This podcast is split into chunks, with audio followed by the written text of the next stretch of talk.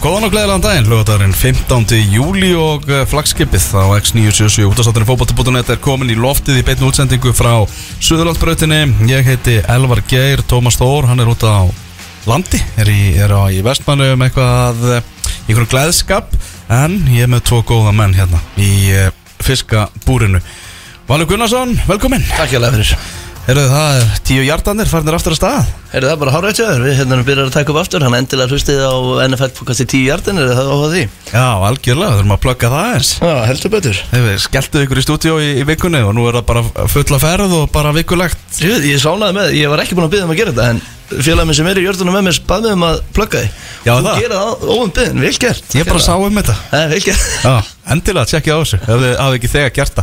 byggðin, Sæbjörn Stænke, velkomin Sæbjörn. Takk fyrir að fara í stafröðsröð og byrja val. Já, bara minnst á málið. Þannig að þú varst í lögatalunum í gær. Já, heldur betur. Já, hvernig landsleikur Ísland, Finnland. Tókst ekki að slá áhörundametið? Nei, það var svolítið frá því það hefði verið þurft að sitja í öllum sætum í stúkunni til þess að það hefði náðst? Áður en þessi yfirlýsing var gefin út þá held ég að þau hafi bara glemt að tjekka hvert áhörundametið væri sko. Já, var það ekki mútið í Þýskalandi eitthvað hérna 9000 manns eða eitthvað? Jú, þetta er leikurinn þegar að Ísland getur í rauninni tryggt sér sætið á HM Já, eða allavega að fara mjög langt með það. 2018 Já, Já, 9800 held ég að verið gefið upp. Já, mitt Þannig að bara ekki séns að væri verið að En það var samt stemminga á vellinum og velmætt það og, voru alveg 6.000 manns eða eitthvað. Já, já. Já. Og, og mikið fjör en uh, því miður Þannig að liðið okkar heldur betur ekki að fylgja því eftir. Þetta var nú ekki sérstækt Það var meira fjör í, í stúkunni heldur en inn á vellinum sko. Já, þetta var bara hreinlega von Já, spilamennska var heitlaði ekki neitt og þetta var einhvern veginn virkaði svolítið stefnulaust og, og gekk ekki alveg upp held ég það sem var verið að reyna en það var breyttum, breyttum kerfi þegar að, hérna, leið á leikin Ég skilja svolítið pyrringin kringum hennar leik eftir leikin Fólk er bara orðið svolítið þreytt á Ég veit ekki að maður að segja stöðun á landsleina Hvað er þetta að segja? Já, ég, það er alveg hægt að taka undir það menn það er svona, eru alveg rattir sem farnar aðeins að heyrast að, að þetta, það er engin þróun á leikliðsins Ok. virðist ekki vera þó, þú steinir til varnar þá var þetta annar leikur sem var að prófa þetta kerfi en þetta var ekki gott sko Okay. Það er rosalega lítið að frétta sóknarlega hjá, hjá liðinu alveg afskaplega lítið þetta er mikill kraftur auðvitað í, í, í Sveindís og, og vonast til að veist, hún skori en ef hún gera það ekki þá er eitthvað með en rosa takmarka sko Já, það verður- vera bara svona uppleggið Það er að, að koma á boltanum á svendisi og, sjá hvað hún gerir. Já og helst bara í, á hana á sprettinum þú veist, í gegn bara. Það er svona leið eitt. Já, við sagðum morgunblæðinu morgun að, að Víðir Sigursson, hann er líka ósáttu við svona ímestætt sem er í gangi utan vallar og hvernig KSI er svona, já bara takmarka aðgengi að landslýsfólki bara jamt og, og þjætt og svona greinlega tók steinina aðeins úr í, í gær þegar það var valið hvaða leikmenn fjölmjöla gáttu tala við eftir leikin já gefið upp að við fengjum fjóra leikmenn. Um, urðu að vísu sex og svo Steina Halldórs kom líka í viðtöl. En ég hefði ekki alveg getað valið aðra leikmenn, ég var með tvo á blaði sem ég hef alveg verið til í að tala við en það var ekki færa því og annar kom bara ekki í viðtal í öllu verkefninu þannig að sem er svolítið svekkjandi. Hver var það? það er svo ávar á Guðmundsdóttir Já, ok, hann var bara aldrei til, til viðtals Nei. og það eru náttúrulega bara flóknar á landibrótt heldur núna, það er Östuríki á, á þriðudaginn og sáleikur á átivelli já, uh, leikur á þriðu deg það, er nóg að gera þriðu deg sko. Já, nú að gera það. Margir leikir Já, heldur betur. Já, það er líka setnileikurinn hjá Breiðabliki í meistaradeldinni, fórkjarni meistaradeldarnar, við ætlum með þetta já, bara fara yfir alltaf helsta sem er búið að gerast í fótbolta vikunni hér, hér heima hjá íslensku félagslegunum, ætlum að taka uh, bestu deildina, sjálfsögðu lengjudeildina en byrjum þetta bara á Evrópu, byrjum á Breiðabliks vikunni og hvernig vikan var hjá Breiðabliki þar sem að þeir voru náttúrulega að keppa tvo leiki í þessari viku. Á þriðjudaginn þá uh, skelltuðu sér uh, til Írlands, til Dublin og mættu þar Shamrock Rovers unnu 1-0 sigur. Frábært mark sem að Damir Muminovic skoraði algjör sleggja hjá Damir. Bara með Petri Mörkun sem er séð í Európuleik hjá íslensku liði. Og nú er verið að review upp allir þessi fallegu mörk sem við skora Og þau eru alveg nokkur og, og helviti góð mörk hver. En þetta mark var ansi flott að ekki einu svona léleg útsending á stöðtu sport náða að trubla, trubla gæðina þessu marki. Það var að streyma leiknum. Já, það steimar ekki, það er ekki þeim að kenna svo sem. Já, stötu sportið var- og varnar þá held ég að þetta hafi verið bara að utan Já, að klálega, sko. fengið þetta svona sko. Klálega, en þetta mark var alveg einstætt og bara blikar unnu bara þokkulega verðskuldaðan sigur að nóti mm. Hvað getur við sagt um framistuðu breyðabliks Stengi og kannski sérstaklega í fyrri áleik bara virkilega ánæður að sjá þá pressa Írana svona hátt uppi og koma þeim bersinnilega bara úr jafnvægi um, það er svona eðlilega kannski slaknar aðeins á því þegar líður á leikin þeir fara að lesa pressuna og þú ert kannski ekki tilbúin að pressa alltaf þegar að það er auðveldar að komast í gegnu þig. En, en bara í fyriráleik voru þeir bara með samrokk í alls konar vesinni og ég vil meina að þessi miklu frekar blikarnir heldur en íratnir sko. Bara að þú veist að þeir létu þá bara líða ítla sko Manni fannst þess að Írónum væri brugðið og ég var að sjá að þeir eru búin að gera svona sérstakka Evrópubóli núna, Shamrockin Europe. Ég held að þeir hafi ekki verið búin til fyrir eitt með- Sko, Gummi Ben kom sent inn í hérna, lýsinguna á stöðusport. Þannig að það voru enskir eða ískir og whatever lýsar hérna í byrjun. Og þeir töluðum skildusugur Það var bara að vera að tala um það, þetta er skildusugur, þetta er eitthvað sem ég var að fara. Og, og ég skal viðurkenna, þú veist að maður heldur alltaf mísasku lögna Það kom svona ekstra gott þegar að Dami skoraði út af þessu. Þeir voru bara, þeir voru bara kokki fyrir leikin En eins og ég segi, blika komið með óvart Svo náttúrulega föttur að gera með Európutóna í markinu hérna í Európukefnum Já. Hann er alltaf bara geggjaður í þessu leikjum. Og bara eins og segja, allt kredit á, á hérna, blika Sem að vera bara að þetta á þriðudaginn á gerfugrassunni heima mm. Mamma Tonna náttúrulega hann að síum ferðast í alla leiki og hún var að sjálfsögðu mætt til Dublin. Já. og eins og segir bara Anton Ari alltaf í, þegar kemur að Evrópuleikim þá er hann bestur. Já, það er ótrúlegt. Algjörlega og bara þú veist, því svona til þess að tala það upp þá er þú samrokk er með hærra XG þegar allt er lagt saman. Þetta marki og damir er náttúrulega ekki neitt neitt í XG sko. Þannig að þeir eru alveg ótalsvægt meira þeir eru með 0,9 og menna blikar eru með tæplega 0,3 þannig að blikarnir nýttu þetta færi þeir höskuldu fekk reyndar dauðafæri að mínum mati rétt á undan. Eða fyrir og jú það var allavega í fyriralögnum þannig að mér, mér fannst verðskulda þeir var yfir í hálfleik sko. Ekki spurning og bara mikilvægt fyrir blika að ná þessum sigri. Mm -hmm. í hérna, byggarkeppninu um daginn Og hérna, mó- Íslandsmótið er búið að fara Eða þú segir búið að vera eins og það er búið að vera. Þannig að það er spurning hvort að þetta get ekki bara liftið mig upp af Því að, þú veist, geggjaðu sigur En það er bara hálfleikur, það má ekki gleyma því. En það er heldur betur möguleik á því að Breiðarbygg sé að fara að mæta FCK sem er því svakalega gumsætt, gumsætt viðreik uh, Ég var að svona kanna það hvort þið getur spilað á móti FCK á Kópavóðsvelli og það er bara þannig ef að mæta FCK þá verður sáleikur á Kópavóðsvelli annar einvið verður á, á, á Parken og að það er lett að það verður. En síðan þegar þeir, ef þeir koma síðan lengra í stíðan eftir það þá er farið að gera meiri kröfur. Og þá er spurning hvort að Kópavóðsvelli verður löglegur. Fyrir meðal annars eftir hva, hversu stórir mótæri þeir eru, hversu marga uh, aðdáðundur þeir eru vanir að, að trekja að sér og, og þannig. Ok, var ekki skiptum gerðurklas fyrir til að næða ykkur um Európa standard? Hjá Jú, Breiðablik? En það var heldur bara raunin bara fyrir þannig að þessa undakefni sko. Já, og þá vandalega þennan leikli eða Já. kannski hefur það áhrif að þið geta spilað þennan. Já, En þannig, ok, þannig að vallarflöturinn er alveg löglegur það Já. snýst meira um aðstöðu. fjöldasæta og, og aðstöð áhörnda eins og leika á þriðdæðum þurfa blikarnir að einhvern veginn finna að lausna á Rory Gaffney sem er uh, rauðæriði framherji samrák hann er ekkert eðlilega öflugur sterkur og hraður eitthvað svona þetta er svona típa sem þeir eru ekki vanir að eiga við á Íslandi. Þeir eru vanir að eiga, eiga við Nico Hansen en hann er ekki með þennan hraða. Þann, og þeir þurfa að finna lausni hvernig þeir díla við hennan gæða sko. hann var, var að valda þeim smá ísla mm Damir fer mittur af velli maðurinn sem að skora reyna markið í leiknum. Já, það kom ekki, það er náttúrulega ekki neitt óvart hann spilaði ekki gær Nei. en bara vonandi að hann verði klára á þriðudaginn sko. Óskar sagði viðtal eftir leiki ger uh, í góðu viðtali við .net eftir leiki ger að hann verður klára á þriðudaginn eða veist hann reikna með að hann verður klára á Já. Vildu bara ekki taka sjansa mm, Okkar maður Sölvi Haralds á, á vettfangi í ger Frábætíðindi uh, Írarnir voru hrifnir af Viktor Karli einu sinni hann var valinn maður leiksins hann hjá, hjá á einu miðlunum þannig að og hann er bara svona stegu upp í, í þessum leik. Þetta er sviðið sem hann fílar. Mhm. Já, þetta hérna Þetta að hafa fyrir Clement Olsen meðan, meðan hann var inn á Hann var svona búið til usla. Hann er einhvern veginn kemur sér alltaf í, í stuður eins og ég hef sagt á þér mér finnst, það svona að heilla mig við fram mér hann er, er alltaf eitthvað, eitthvað að gerast í kringum hann, sko. Já, samanlega því. Og hann er náttúrulega eins og búið að ræða stígandi leikans. Já. Þetta sjámröklið það er upplugt og þetta verður svakalegu leikur á, á þriðudaginn uh, Bara von til bara verða stuðnismenn blika í stuði Láta vel í sér heyra. Já, ég hef ekki núna, hvena þá sko? Já. Þú veist, þegar þú ert í döð að færa að fara áfram núna e- stuðnismenn verði í stuði, ég er ekki enga trúður.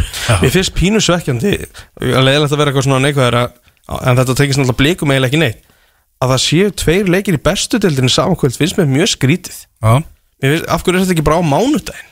Það er Mjög góða punktur. Já, Þetta er eitthvað Það er fáranlegt, ef maður hugsa, ég, veist, ég er ekki búin að pæla í þessu, þetta er fáranlegt Bara hlutlösa áhörundur, þetta er leikurinn sem að fara á sko. Já, einmitt, það er rétt. Er Hlýtur að vera uppselt að kópa á svolítið Já, ég- ég það. það verður uppselt að kópa á þessu Ég, ég trú ekki öðru. En bara þannig að þetta fá Já, fyrir okkur fótballa fíklana sko. Já, Ef það er ekki uppselt í báða stúkur þá, þá finnst mér það nokkuð bara mikið klúður sko. Já, Shamrock menn, þeir eru ekki að spila núna um helgina í írskudeldinni Þeir fá bara frí meðan að þetta einvi er í gangi til að geta einbeitt sér að, að setnilegnum En það er hins vegar ekki þannig hjá, hjá blikum. Þeir þurfa að spila í gær á móti frömmurum og, og í úlfarsadalnum og það var alltaf vita að sáleikur yrði nokkuð sérstakur. Sex breytingar á byrjunarliðinu eins og, eins og við var búist það var að dreifa álæginu og þetta snerist bara um það að ná stegunum þremur í hús hjá blikum já, við skelltum okkur á vellin Elvar, og hérna í nokkuð skemmtilega leik mér, á nokkuð skemmtilega leik og hérna blika skoraði þarna annari mínútu og svo réður leiknum við- þetta var, þetta var mjög fyndið leikur svo voruð bara með öll höld á leiknum bara, veist, ég hugsaði bara þetta fyrir 5-0 Já, en þeir skoruð ekki og eftir cirka hálftíma leik þá fóru framarar að komast inn í leikin og þegar maður gerir hann leiku upp að þá hefði jafntefnilega ekkert verið ósækjörn niðursta þannig sé, ég meina þú veist framar að missa manna velli fært þessu sjöttu myndu. Og að því að blikar voru bara ekki einhvern veginn nógu effektífir hérna, við mark hérna, framara að þá voru þeir í öllum sjensa á jafnið í lokin og áttu jafnvel að fá vítaspinn í lokin. Já, þeir var að gera tilkall til þess og, og fengu bara sjansa til að stela stíðinu það hefði verið disaster fyrir blikana. Já. en maður fekk samt á tilfenguna að þessi leikur er auka leikur og, og hérna og þeim svona, ég ætla ekki að segja að það var alveg samumann en það er greinlegt að það voru að hugsa um einhvern allt annan leik fannst mér sko. Já, sér það líka bara á skiptingunum, þú veist. Það er verið að láta mennin, þú veist, bekkurinn hjá blikum þetta er uh, leitun að betri bekk í bara sögur og hérna þeir koma þetta inn á skipta á 70. cirka þannig að þetta var svona, eins og segi, auka leikur en gríðarlega mikilvæg sigur fyrir blika og gott fyrir að ná að halda þetta út. Mm Maður sem skoraði eina marki í leiknum Ágúst Eðvald Linsson valinn maður leiksins á, á .net skiljanlega Þetta var, hann var frábæri ger það var alveg, alveg frábær, við rættum þarna og sérstaklega í eh, svona fyrir álgnum og innan fyrsta hálftíma rúma þá var hann bara, þetta besti leikur sem ég síðan spila ansi lengi Já, framar reyðu ekkert við hann Nei, Hann var út að hæra með hann ekki? Jú. jú, Já Og Jason sett, nei hann kom inn á. Jason kom inn á. Já, ég, og var settur út vinstra megin Ágúst Eðald er talsett betur út að hæra megin sko. Já. Það hefur bara sínt sig Já.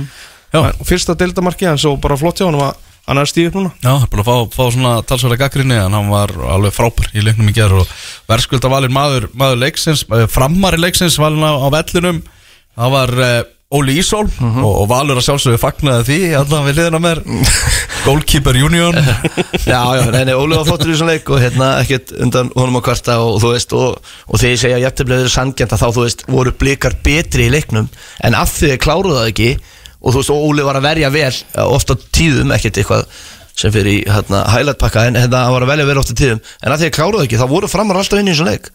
Og við, við Elva vorum og Elvan sagði mér þess að bara ég er að býða eftir eitthvað svona víti í lokin sem að framjafnar, það er svo típist. Og þeir áttu kannski að fá það þegar fór í höndin á, á mann ekki hverjum, að vera það Davíð, ef maður ekki. Jú, ég held að var einhvers, minnum uh, Eitt af momentum leiksins Ég að Sölvi hérna verður í skýstinni Viktor Öll Margesson Númer tvö sem mann leiksins Já. Hann var náttúrulega eitt af momentum leiksins Þegar Magnús Þórðarsson er, að- er að sleppa bara einn í gegn Og þá kemur Viktor til Bjargar Nær að vinna sprettin við hann Og hyrða boltan á honum Þarna voru bara allir staðinir á fætur í, í stúkunni Já.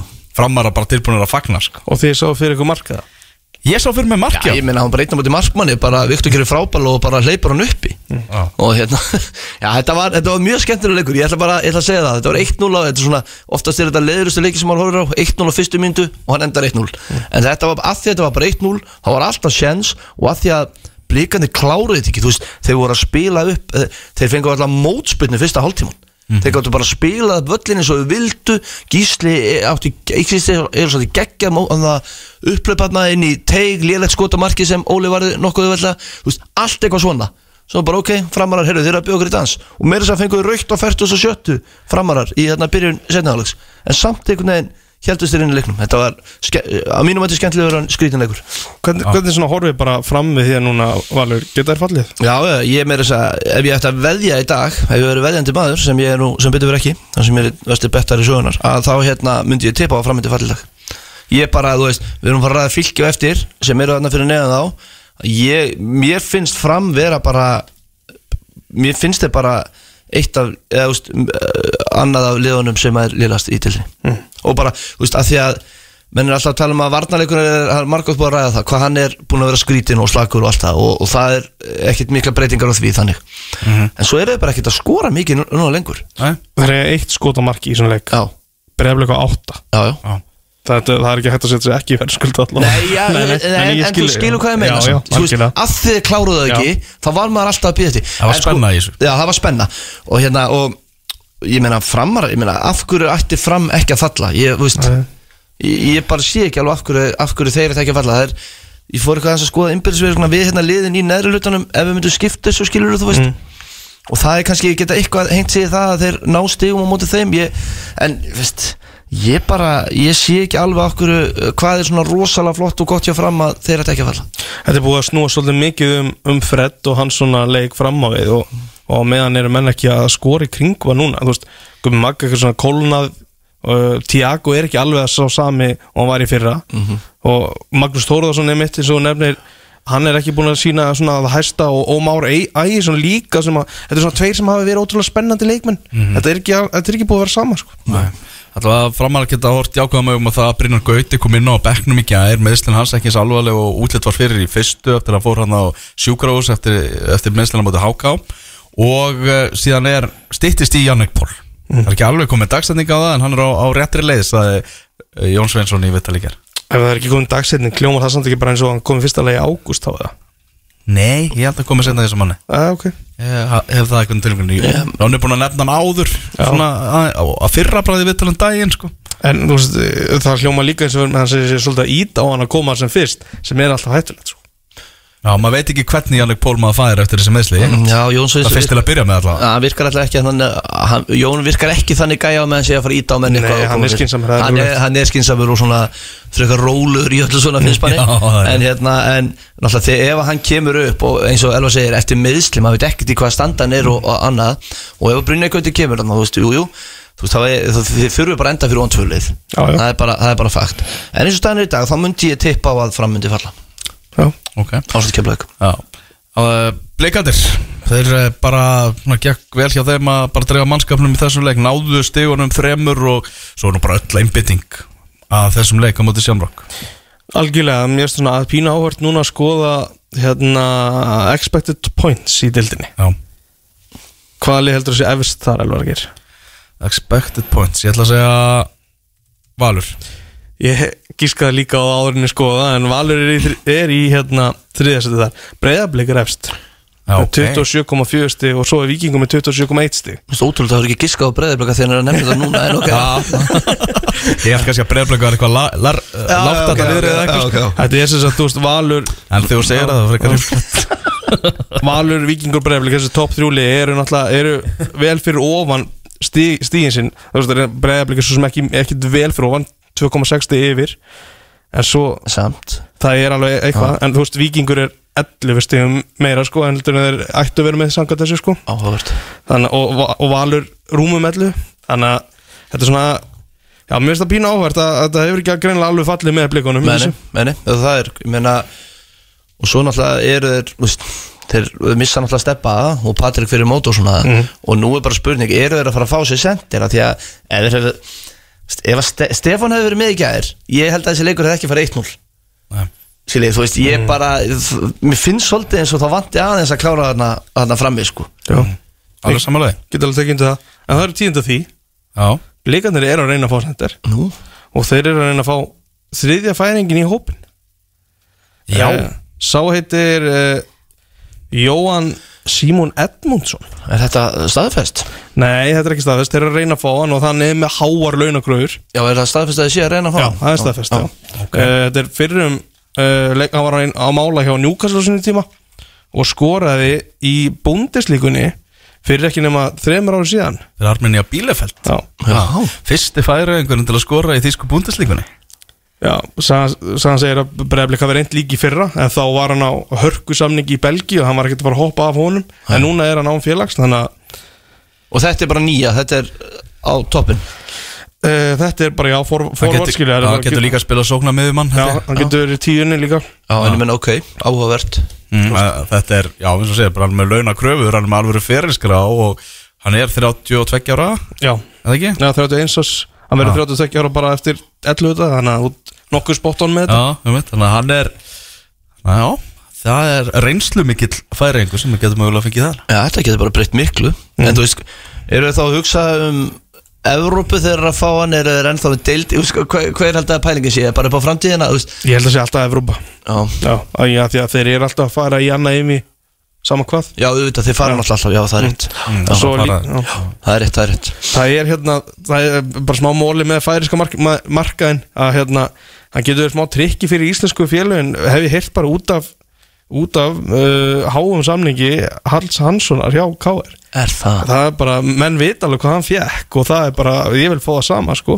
Og þó KR-ingar reyna að tala niður þá, þá kannski var KR að borga allan pakkan þar sko. Gæti það verið einhver, þú veist, velunandi skilur Af öllum til að hækka launakröður í Íslandi. Það er nú heila máli, það er nú bara annar færingur þú veist, auðvitað tala þér saman sko. Já, það er mitt Þann, og ég veit að Káa reynda að fá hann líka. Uh, og eru þú veist ennþá í samtalinu en þeir virðast vera fjærið í heldur en breyflik mm Á þriðjudaginn, 18. júli þá opnar glugginn hérna heima og þá uh, getur ímislegt gæst og uh, endilega hendið brefum á, á þáttinn ef að þið eru með eitthvað, eitthvað slúður við erum alveg til í eitthvað félagaskita slúður að vera glugginn opnar, það kemur eitthvað, mm. eitthvað fleiri mólar hérna, Já, já. það líða fyrir þáttinn Við heyrðum náttúrulega af því að Arnar nú frá því á Twitter okkar bestum maður að Kristofur Ingi Kristjánsson væri að æfa með breyfliki mm -hmm. það er spurning hvort að gerist eitthvað þar en ég veit að blikar ætla að taka inn eitt sóknamann, það er bara klart Það er klárt mál Herðu, förum í hérna Evrópuleikina sem að uh, voru í vikunni þar sem að Káa byrjum bara þar á, á framvelli í Úlfarsáldal þannig að Káa vann 2-0 sigur á móti Konas Quay Nomads frá Wales. Þú varst á, á þeim leik, Stengi Já, og það voru svona talsverðir yfirbyrðir út á velli, fannst mér og það var alltaf meira og meira sýnilegt þegar leið á leikin þegar, þegar hérna, þeir velsku auðvitað þreyttari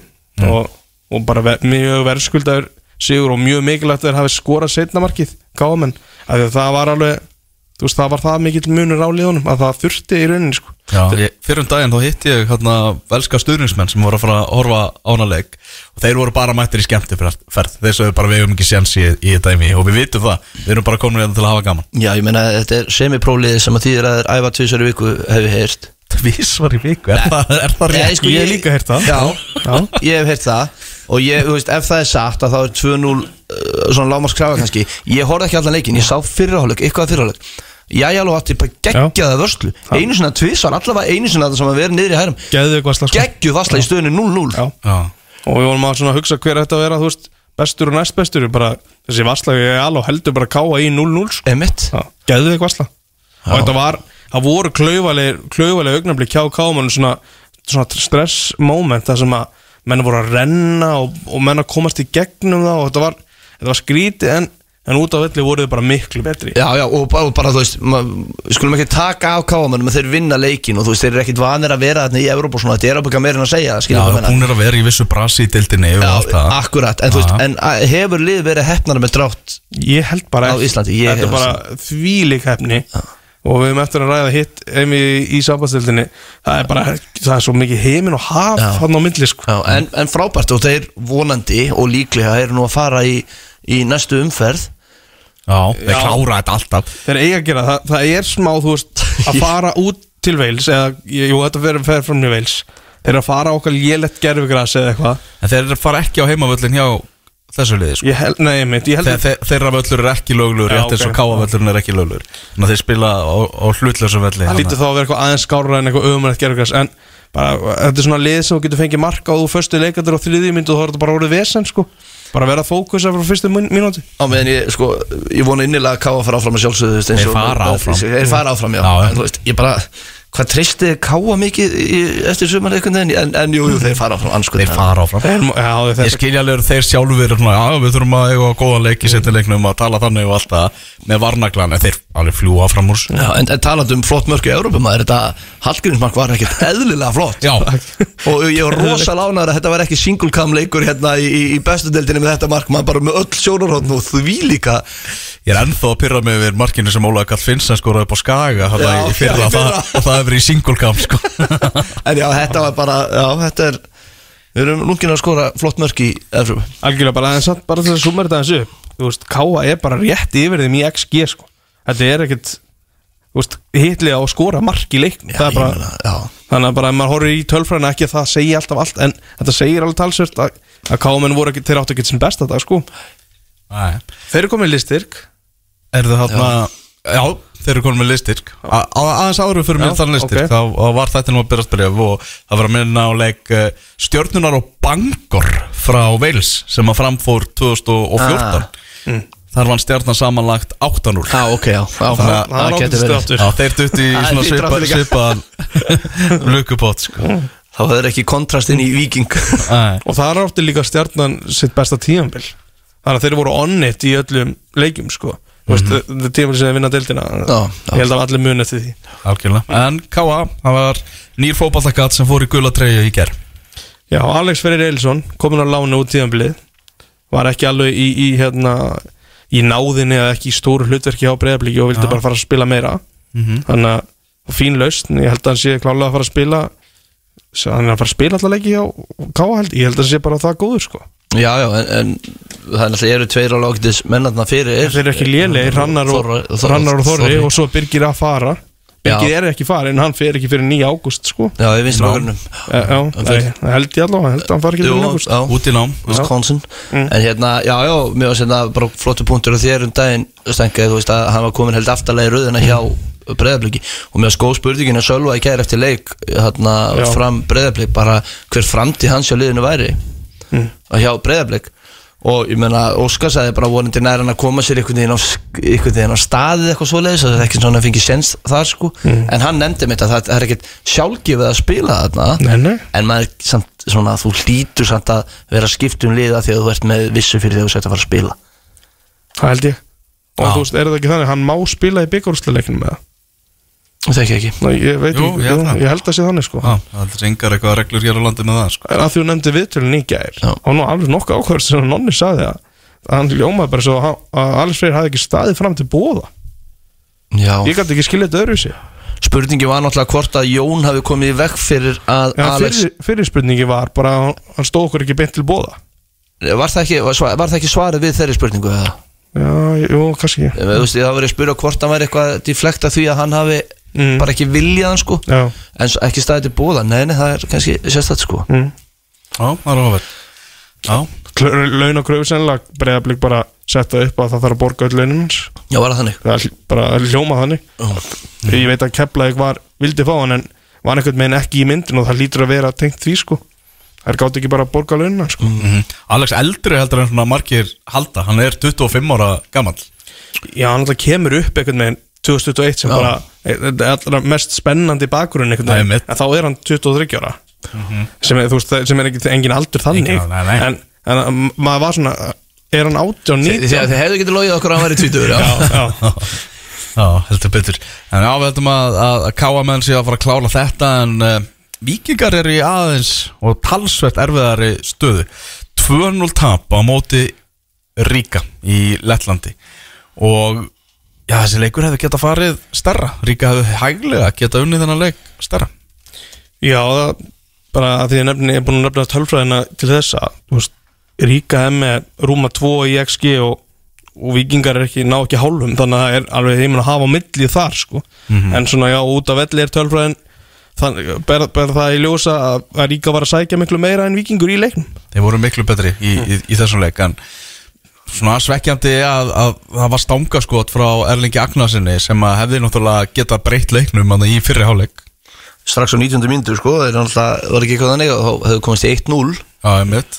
Ég- maður svona eftir að hafa hort á leikin þá hugsa maður nú að Ríka alltaf unnið leikin þeir eru bara með, sorry, þú veist, það, mér finnst bara Ríka með miklu betra lið. Þú veist, við getum alveg talað en að leiki í, í, í tvo klukkutíma en að því endur þið deg, þá er Ríka bara miklu betra lið heldur en Víkingu var í þessum leik allavega. Og bara já, það er smá svona maður að hugsa, hugsa tilbaka vikingur í fyrra á móti miklu betur liðum á papirunum heldur mm. þeir sjálfur Malmö og Lekk Bosnan byggu til leiki, gerðu leiki úr þessu voru þá vissulega með uh, Kristall Mána, Funn Heitan sem að, ja, úst, ekki reyndar í höllin leikjum en í einhverju leikjunum. Uh, jú, hann var í tveimur eða eitthvað fjórum. Já, já. og svo, svo voru þeir með mann sem að núna tikkar inn að þeir eru ekki með sem er Július Magnússon Já. sem bara hleypur á miðjunu og stýrir þessu. Það er ekki sama hlaupagetan í Matta Villa og Pablo á miðsvæðinu. Mm, Kitty Kjarnast hefði talað um, um það í lýsingunni svona að þessir leikmenn, þú veist, Pablo og félagar sem eru vanir því að dóminera miðsvæðið í bestu deildinni, þeir voru bara hreinlega undir alla leið þarna á móti ríku sko. Já, þarna þarftu kannski að hafa eitthvað aðeins meira en bara fótbolta heila og fótbolta gæði. Þú þarft líka þarna þetta sem að Júli hafði mitt eins og nefnir, þetta er góð punktur. Og ef maður horfir í bara svona UEFA ranking að þú það er gengið liða í Evrópu undanfærin ár þá er ríka 6 sætum fyrir ofan Shamrock. En ef maður horfir á ústöðin Breiðablík vinnur 1-0 Víkingur tapar 2-0 þá er eins og ríka sér miklu miklu betra heldur en Shamrock sem að er ekki í raunin sko. Þannig að þetta eru, þetta eru vombrið úrslit en þú veist, svo getur líka verið og að því nefnir þetta að ríka sér bara með betra lið en hafa verið með Já, ég, já. ég veit það ekki sjálfur sko. Þessi listar eins og það er, þú veist, ég, en ég skilur hvað mér ég, ég held að það sé máli, maður er að sjá hann þú veist, að þeir eru konum með eitthvað brassa og mjög svona fima og hættulega menn voru hættulega sóknarlega. Finni þarna hefði með mm. á finnin sem er lagði upp. Já, bara, þú veist grein og, já, eins og Arnar Gullarsson talaði um fyrir leikin, þeir eru farnir að reyða upphæðum sem að er bara stjartfræðilegar fyrir félagslið á Íslandi í að styrkja lið Mm, Ég hjó eftir orðinu pragmatískur hjá Arnar og hann sagði nýja uppáðs orðið hans. Já, það er, það er anstæðan við það sem hann var í rauninni í fyrra það sem hann er pínus og gong ho fara, all inn í leikina og fara að pressa lið. Þetta áttu að vera skinsamur og, og, og svona sjá, sjá, sjá hvað mjög er lægi frekar en að reyna að búa það einhvern veginn til með hlaupum og, og, og bulli sko. Eða þú veist bulli er bara einhver svona skilur sem getur já. gert eitthvað. Pragmatík tekur við af söffara sem við erum búin að Já, ég held að það sé þannig. Sem er bara, það er breyting á Arnari. Þetta, er ekki, þetta er ekki alveg að sama og, og bara reyna að fara út að vinna leikin þetta hljómar eins og ætli bara að sætta sig við 0-0 sem er kannski er kannski leiðin en það er náttúrulega svekkjandi þú tapar 2-0 og, og einhvern veginn Ég veit að það var ekki allir stundum með vikings ánað með að sjá þryggja hafsandakerfi að Nei, og, þú veist, það líka kemur bara nýtt einhvern veginn. Þú veist, Já. það hefur alveg komið inn en það er ekki kerfið þeirra. Nei, nei, þeir eru náttúrulega verið búin að skáta þetta lið og sé bara að hugsa, heyrðu, þetta er svona, þetta er þetta gott lið, bla bla bla, við getum gett þetta. Og þeir eru bara ekki trist sér í þetta samúður gerað á þér Þetta eru líka svona tvö sjóna með viltu fara út og bara all in og þú veist, þú tapar bara á því að fara all in eða græðir á því eða reyna að vera skinsamur mitt Já. sem er frábært að þú nærði því en það er einhvern veginn, ég held að getur verið svolítið svekkjandi að vera skinsamur og þú nærði því ekki heldur en að hafa allavega reynd að fara bara, Bara já, þína, þína hugmyndafræði sem er, veist, eins og, eins og ég nefni ég held að Arnar sé bara búin að breyta þess hugsunarhættinum, maður sér það í, í deildinu þeir eru með, með yfirbyrð á því bara sem þeir gera, þeir eru ekkert eitthvað að pressa menn út um allan völl sko. Nei, nei, þeir skora og klára leikina bara. Já, bara læsa leiki með mitt, þeir eru frábæri í því. Haldur Smári í brasi í svo leik tekin út af í hálfleik. Þetta fyrra mark, ég var svona aðeins að skoða það. Það er skalli og þar situr Haldur Smári eftir og það kemur þetta bakvarspillan Já. Hann er svo sem að spila fjóra réttstæða eða eitthvað. Já. En þú veist, þetta er, er ég er ekki að segja þetta að kenna en þetta er- óöfni, hann sé einn sem situr eftir. Hann ætla vantilega á ekki að vera þannig. Hann var stáleppin, hann var ekki refsa þegar hann hann bara misti jafnvægið og misti boltan frá sér í stöðunum 0-0 Já. og þau fengur döðafæri Þetta er, þetta er svo ól, þetta er, mitt, þetta er bara munurinn á því að spila svona hæ, Já. svona tensity leiki með að, og spila á Ísland, maður sér þetta ekki hér. Maður er, allavega maður er ekki mikið og mennum er refsa nema þarna er þetta að berga yngvar í þessu tilviki. Mm. Yngvar meði þarna ríka mm. Hafið þið eitthvað heyrt um það? Er þetta eitthvað alvarlegt? Væri maður ekki búin að heyra ef þetta væri eitthvað alvarlegt? Já, ég, já Þórður Ingarsson kemur inn á 57. mínútu maður hefur ekkert heyrst sko. Nei, ekki hér neitt sko Nei. Það getur nú verið ansi stórt ef þetta er eitthvað Því að ég, hann láði hann í grasin og ég sá að hann var að horfa okkur vartamæður hliðina á sér og svona sýsti hausin Þá hugsaði ég bara að vesta sko Eitthvað tóknun eða Nei, hann fekk högg á já, í markinu já, já.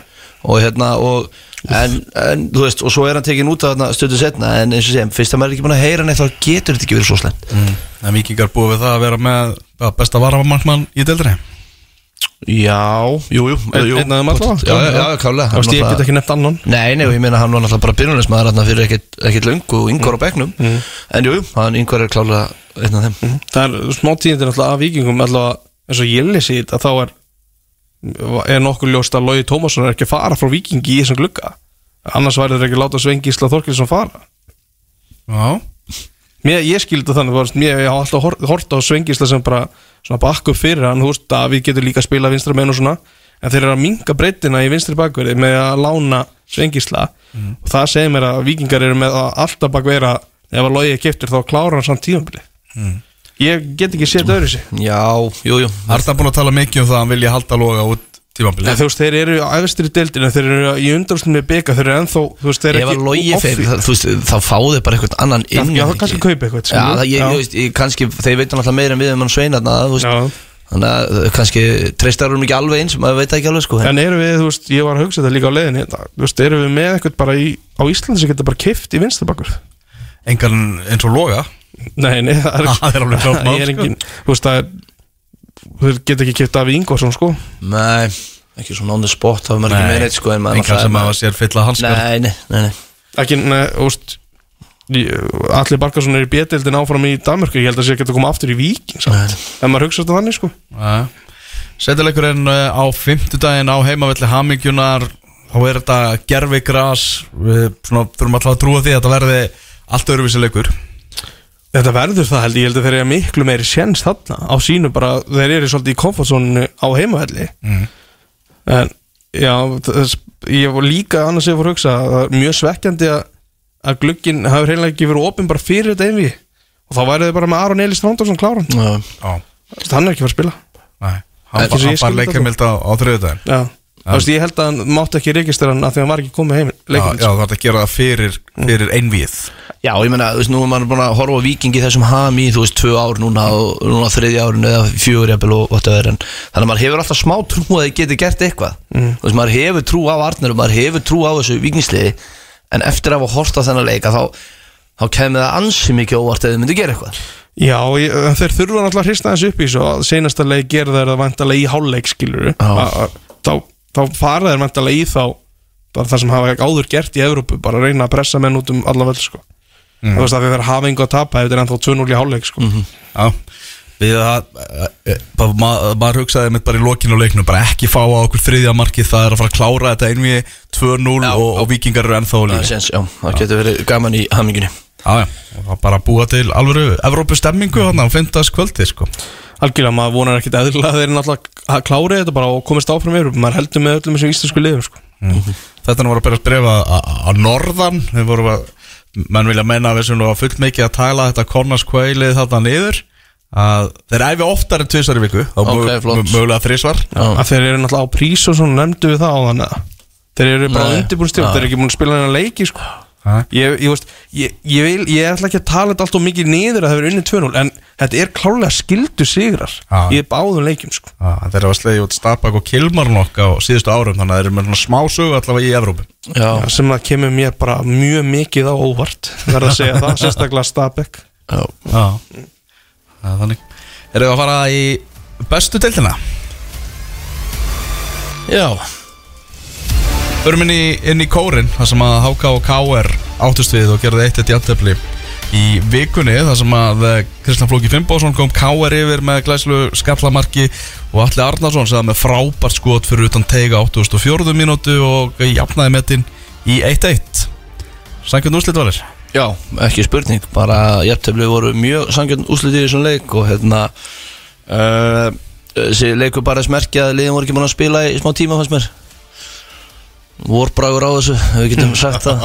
Inn í kór. inn í kór sko. Vorbræður í júli vorbrægur í, í júli og hérna og bara til endur þetta degi þá var þetta bara sangjönd 1-1 sigur sem að ég veit ekki, báðir þjálfari geta bara verið þokkala sáttir við held ég sko. Mm. Kristján Fluggi skorur hérna skallamark eftir að hafa ekki sést í leiknum fram að því. Þetta var frábært skallamark. Geggja skallamark. Og ég hugsaði bara af hverju sér maður þetta ekki oftar frá Flóka? Ég, þú veist, hann, hann var númeruslaus í leiknum hvað er það já? ég veit það ekki alveg hjá, hjá stórveldinu. Já. númeruslaus leikmaður í, í, í sendir þeim. Frá upphafi leiks? Já, já, bara byrjunleus maður. Þetta er, ekki, þetta er ekki 15 ára gauður kom inn í hópin óvænt sko. Nei, alls ekki. Og ég held bara að hann væri, ekki með það þegar hann væri númerlaus af því að hann, ég sá hann ekki í leiknum. Svo skorar hann þetta markað í flotta sendingu frá Kitta þarna. Og Þetta hérna, er alltaf svo geðveik reyfing hjá Flóka. Þetta er bara proppið framherja það er það sem Dæmi, sko. það er sem segja sko, það er svolítið synd svona hvað, þú veist það kemur lítið frá honum að því að hann býr yfir gæðum sko. alveg ekki, ekki spurning. Og svo jafna hann allir með þessu hérna, geggjaða skoti og allir að mínu mati er bara þú veist, við erum stundum að tala um vannmetna leikmenn í deiltinni, ég veit ekki hvort hann sé vannmetni lengur því að menn eru farnir að tala mikið um hann og svona, en allir er bara frábær og mér fannst hann maður leiksins í, í, í þessum leik. Og hérna, jú, 1-1 og hérna, þessi ekki bara fínt fyrir, veist allavega, ég veit ekki, háká einhvern veginn að komast aftur í gangi einhvern veginn og jú, bara fínt og eitt eitt jætli Bæði, bæði sátt eins og segir held ég en ég held að Hákangur séu sáttari af því að þeir náttúrulega þurfa að jafna leikin sko. það endar einhvern veginn on a high sko. alveg, alveg, alveg klálega sko og hérna bara, jú, bara káringar Eh, ég held að Rúnur hóði talað um síðast að þetta að þetta gengi hjá myndafærið kemur hann ekkert óvart með hverju voru að spila við sko. Og er þetta ekki bara kári í dag ég töfum lefandi háká og útivelli er ekkert maður er ekkert hissa á því sko það er ekkert slæm úslit en það er, það er klálega meðan það er ekkert hoppandi kátir sko.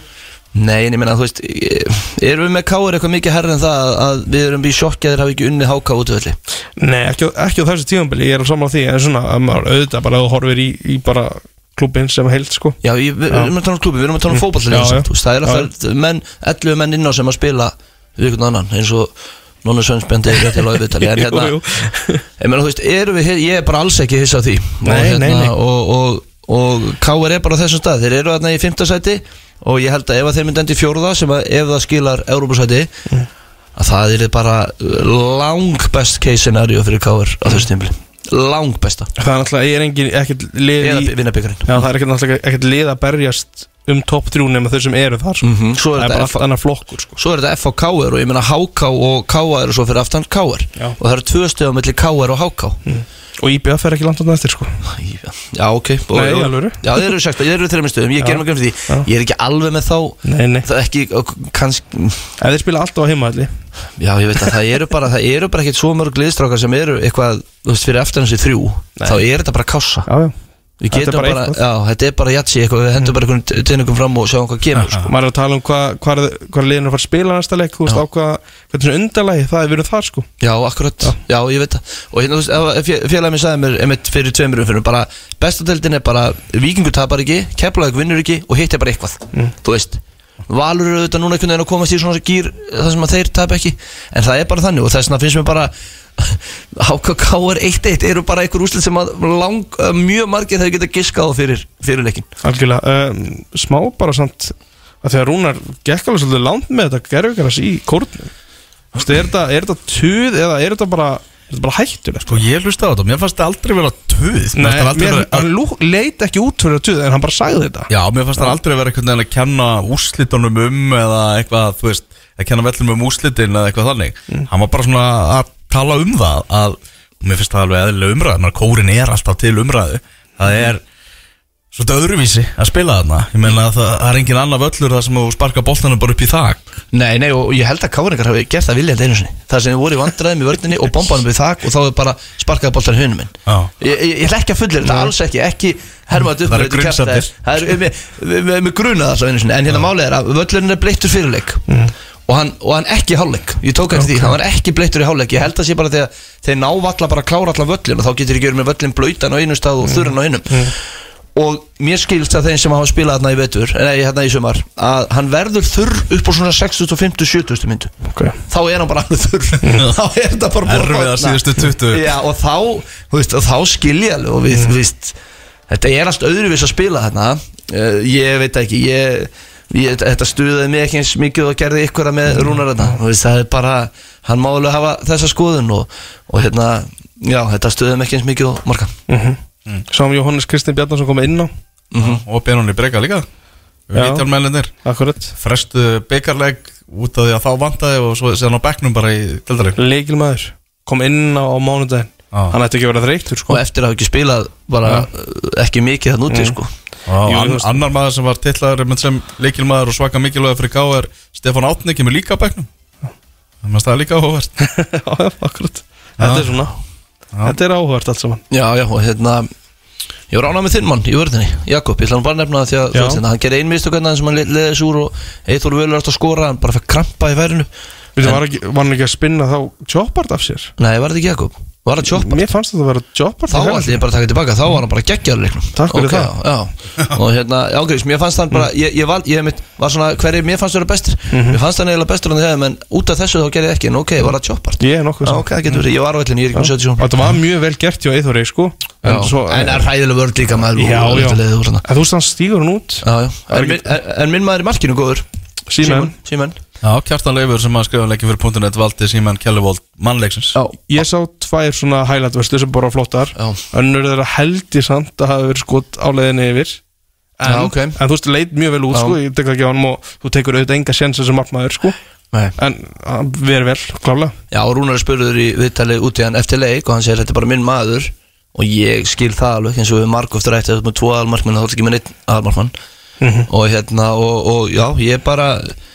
mér finnst alveg, mér finnst hann bara ekki einstilur og margir að tala um og, og ég sagt þetta frá byrjun.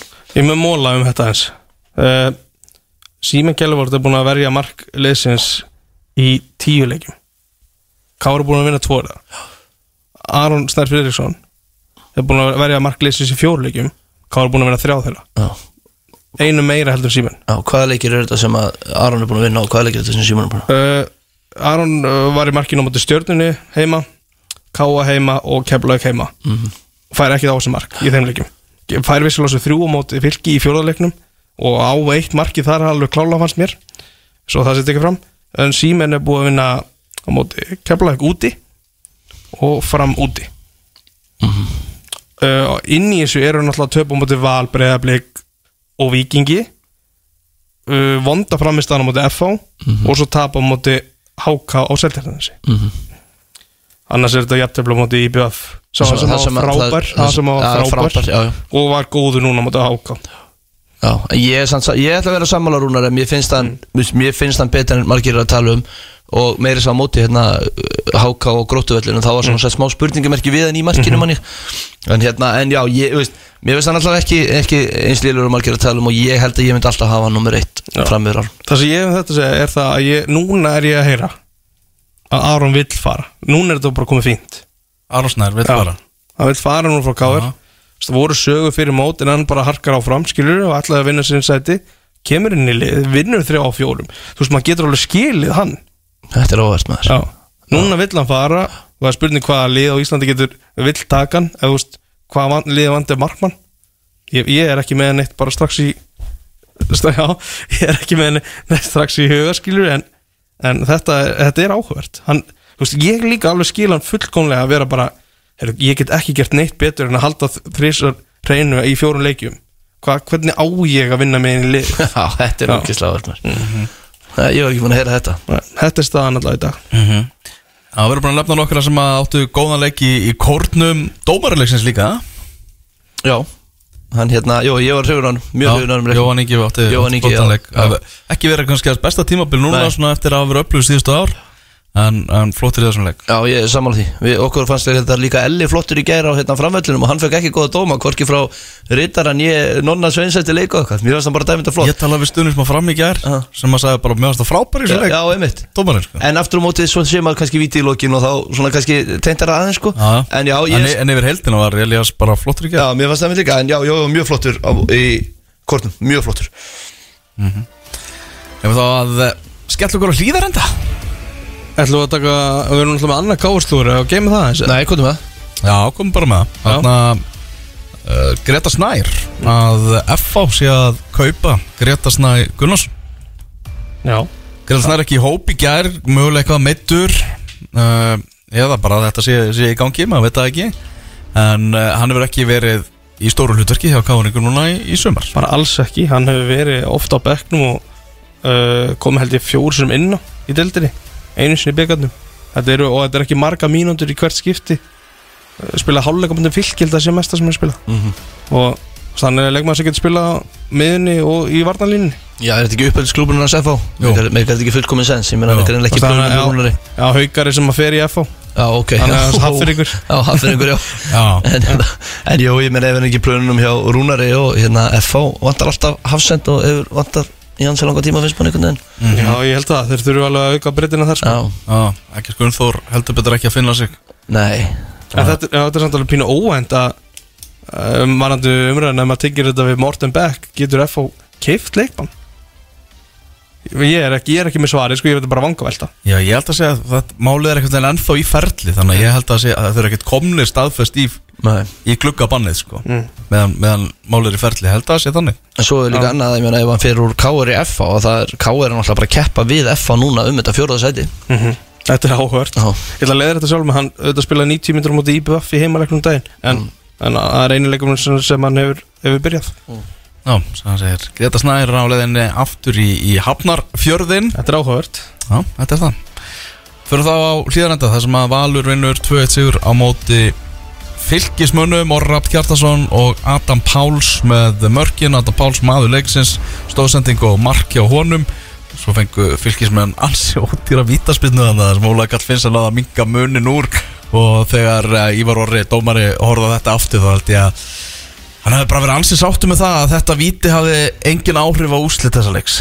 En það var alveg afskaplega nálætt í að hafa áhrif á útlæksis Já, Hérna fylgi fær alveg færi hann í lókin sko. já, Og þetta víti er náttúrulega, ég er alveg galið sko. já Alveg mjög vond Já, ég, ég skal við ykkur, ég er bara því miður ekki búin að sjá úr þessum leik, ég hef ekki séð þetta Bara trúð okkur ég, ég var að verra enn í Keflavík Elvar Freyr, já nei, nei það er Nei, náttúrulega ok, engin. Nei, Elvar flott. Freyr klukkar hann með hægri hendi og hann lítur út fyrir að bara svona í mjöðmina bara eins og hann, svona, þú sér hvað ég er að laust já, já, og hann dettur, skilur. Já. já, ég hérna Já, ég, eins og ég segi, ég hérna Ég sá ekki úr þessum leik því miður En ég frétti að fylgismenn hafa bara verið góðir í leiknum. Þeir eru góðir. Og að talandi um að expected points þeir eiga að vera ofar í dildin Ég er 100% Og þess, þess vegna var ég svolítið svona Að tala um að ég sé framfalla Frekar en fylki. Af því að þú veist, þetta eru þessi lið sem er að berjast þarna. Og meða við bara rönnið Því ég er búin að sjá fullt af fylgisleikjum í sumar Og upp að þessum. Og það sem ég las um þennan og heyrði í mönnum Að þá bara lítur fylgir ekkert illa út þeir þurfa að drullast til að vinna leiki Já, Og fá stig Ertu með sæti? Hvað er þeir í expected points? Ég var með þetta nú, veit þú Já. Já, þeir eru með sko, þú veist, og líka eins og síðast þegar fóru þú veist, niður, þá var kroppað af þeim svona bestu mennina og Já. þannig það verður líka upp á teiningum núna þegar farnar eitthvað sögur um, um það að breyðablик hafi áhuga Óskari Borgþósinni Ok. sem að er skilur alveg algjörlega og ég held að Víkingur og Valur hafi líka áhuga á honum þú veist, maður myndi bara giska á það. Já, einmitt, einmitt. Þú veist að, ef, sérstaklega ef að fylgir fellur.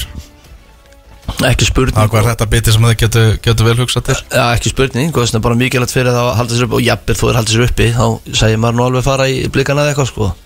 Já, Þeir ættu að vera í áttundasæti og þeir eru í allefta Já. Þeir ættu að vera með, skal ég segja ykkur uh, uh, Þeir ættu að vera með sjö, tæplega sjöstíðu meira en þeir eru með. Sem er mjög mikið. Já, Já, ég er klálega. Já. og hérna og, og eins og ég segi, ég er bara einhvern veginn þú veist, maður, maður er svo skrítin í þessu, þú veist. Ég hef ekki svo miklar áfengjara fylgi en þeir eru í næst næsta sæti Það var náttúrulega svakalegt högg fyrir þá þegar Sæðlabókastjórin Ásker Eithósson Já. meiðist og þeir ekki, bara ekki búnir undir það að, að fylla hans skarð þeir eru eins og segir, þeir eru að fá Sven Gísla. Mm, sem getur bæði verið vinstri bakkur eða hafsend og ég er síðan eiginlega frekar sem hafsend Já, það vantar bara breytt í varnalununa Klálega, Það það veit var það ekki- sem að veit- Rú- Rúnar Báll talaði um. Já, maður veit ekki hvenar Ásker Eithósson kemur aftur. Ég held að uppálega verið talað um mánaðamóti núna júli ágúst. Já, það voru ykkur þrý mánuði sem hann var frá og hann mittist alltaf í var það ekki eitthvað tíma kringum april, april mæ eitthvað Já, stað það er annar leikur, þriðir 5. mæi eða eitthvað. Já, þetta var eitthvað slags, já. Held ég hann hafi mest og hann var náttúrulega valinn að fótbolta.net réttilega leikmaður ásins í lengjudeldin í fyrra þegar þeir fara upp er þeirra fyrirliði og, og, og leiðtói í vörninni. Það er bara svakalegt áfall. Já, ég meina þú veist, þeir tapa fyrsta leik heima móti Keflavík, missa áskerðarnu út maður verður bara að koma með á bara geirnelda þarna niður bara í byrjun tímabils en Rúnar og þeim til tekna, þeir bara er að spila flottan bolta, veist, þeir eru, að, þeir eru bara að spila vel, eru með Óskar þarna, þú veist, á, á fullu þarna og hérna og Ragnar Bræði flottur Ragnar Bræði flottur veist, bara með fín gæða þarna inn á milli og ég, einhvern veginn, ég er allavega mjög spenntur að fylgjast með þeim og ég held að þeir falla ekki ég myndi ekki tippa á þeim til fallileg þrátt fyrir að tablan sé svört þá sér maður alltaf að það er, það er alveg trú í liðinu ennþá þeir eru alveg á ennþá á, á fullir ferð sko. og ég held að sé að þeir eru að spila bara vel út á velli þú veist, en, en auðvitað þurfa þeir stíðin að koma og, og ykkur tíman þá, þá, þá fer maður að hugsa ómikið um, um stíin í staðin fyrir framistöðuna eðlilega þegar þú ert í næstnæsta sæti. En þú skiptingin er, kemur svo og hún getur hjálpað þeim að því að mér finnst þið vera með betra lið en bara langflest uh, liðin að sem eru rétt fyrir hóða Framistæða mittl teiga er bara mjög fín. Inn á, inn á því að mér er er svona að rýma svolítið við breyðablík sem ringa til á mótinu mm Mhm. Mörkin sem að Valur skora eru þau eru sjokking sko. Þetta er bara ræðilegu vardalíkur Mhm. Mjög mikið bara mjög mikið klöðaskapur í fyrirmarkinu þar sem ta boltið tapast úti hægra megin Tryggvi pikkar hann minna og orra sem skorar Svo er Adam Ægir bara með hafsjó af plássi hægra megin í vítategnum Ég hef aldrei séð svona mikið pláss bara af því að það eru margi fylgismenn inn í teig og hann bara þrjumar margið að skora sko. Þetta er stór þetta var stórfurulegt aðrið sko. svo náttúrulega var hann að skettur þetta atriði þegar að Björn Sóðaka kom inn á völlin Já, heyrðu, ég sá það það var svona Segðu hlustendur sem ekki vita hvað var í gangi Hvað gerist það? Það er sem sagt orri á þetta skot sem að Ó- Ólafur Kristóf reynir að verja uh, og nærði ekki og má bolti fyrir netið og, verðist í því atviki bara fara úr liði putta. Já, og, og svo það er bara smá stund að það kemur, kemur sjúkurþjálfur á fylki inn á og svona aðeins að hlúa að honum. Og svo bara virðist vera að bara Björn Sóka hafi bara látið vita að hann væri á svo hefðinu og hann er bara kallaður inn á. Mm. kemur inn á og sýnir þannig að fagmennsku með svona mikinn einbettinga svipi þannig að græja þetta allt saman.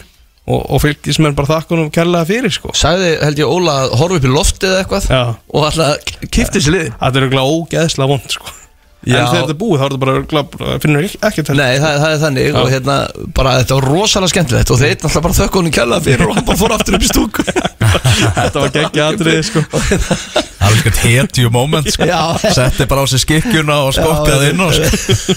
Snild sko Þannig að Valsbjörn þeir eru komlega 6 stigum frá Vikingi og eiga leik til góða þrýr sigurleikir í röð hjá Valsmönnum þeir eru svo sannarlega að búa til spennu hana, í, þeir eru bara í, í fullri ferð með í titilbárni Heldur betur, eina liði sem búið að vinna Viking og Vikinga veit alveg því að þetta er eina liði sem búið að vinna og Mm. eftir að mæta en tveisvar Gilvi sig á leiðinni. Ég meina Valur líka. Það? Nei. Valur bara einmitt, það var náttúrulega ekki við þeir voru að spila sem fyrsta leik í mánu þú veist, þeir eru búin að spila Já. leik á 31 degi eða eitthvað fyrir hennar leik. Já, og ég held að þetta sé fyrsti heimalegur í sex vikur eða eitthvað. Já, það pæli því á miðjum sömri en þetta er- ekki að fara að tröfla valsmenn það er alveg nokkuð ljóst Nei. og ég held, ég get alveg séð á þú veist, lána einhverja stráka í burtu sko þú veist, eh, þú veist sem hafa verið svona, svona 17. 18. maður sko Já, ég menn eins og þú segir, þetta er náttúrulega alveg vandræðilega að fá leiki sem þetta liður að spila sko. já, En eins og, eins og ykkur nefndi við mér í að það er erfitt að vorkina ég menna að þeir bara dutt út úr byggar og þetta Já, já, já. Þú veist, þeir eru alveg bara þeir sköpuðu sér þetta sjálfur þeir komu sér ekki í Evrópu og þeir duttu snemma út Já, úr byggarnum Þegar maður horfir á leikja alveg, mér finnst þeir alveg bara jafn líklegir og, og vikingur að vinna þetta sko. Ég er hjartanlega samanlegur og þetta bara stefnir í það að það getur verið spenn á topp og botni þegar við förum í skiptinguna. Sem ekki ekki að sem er bara geðveikt sko, og, hérna, tilbreyting.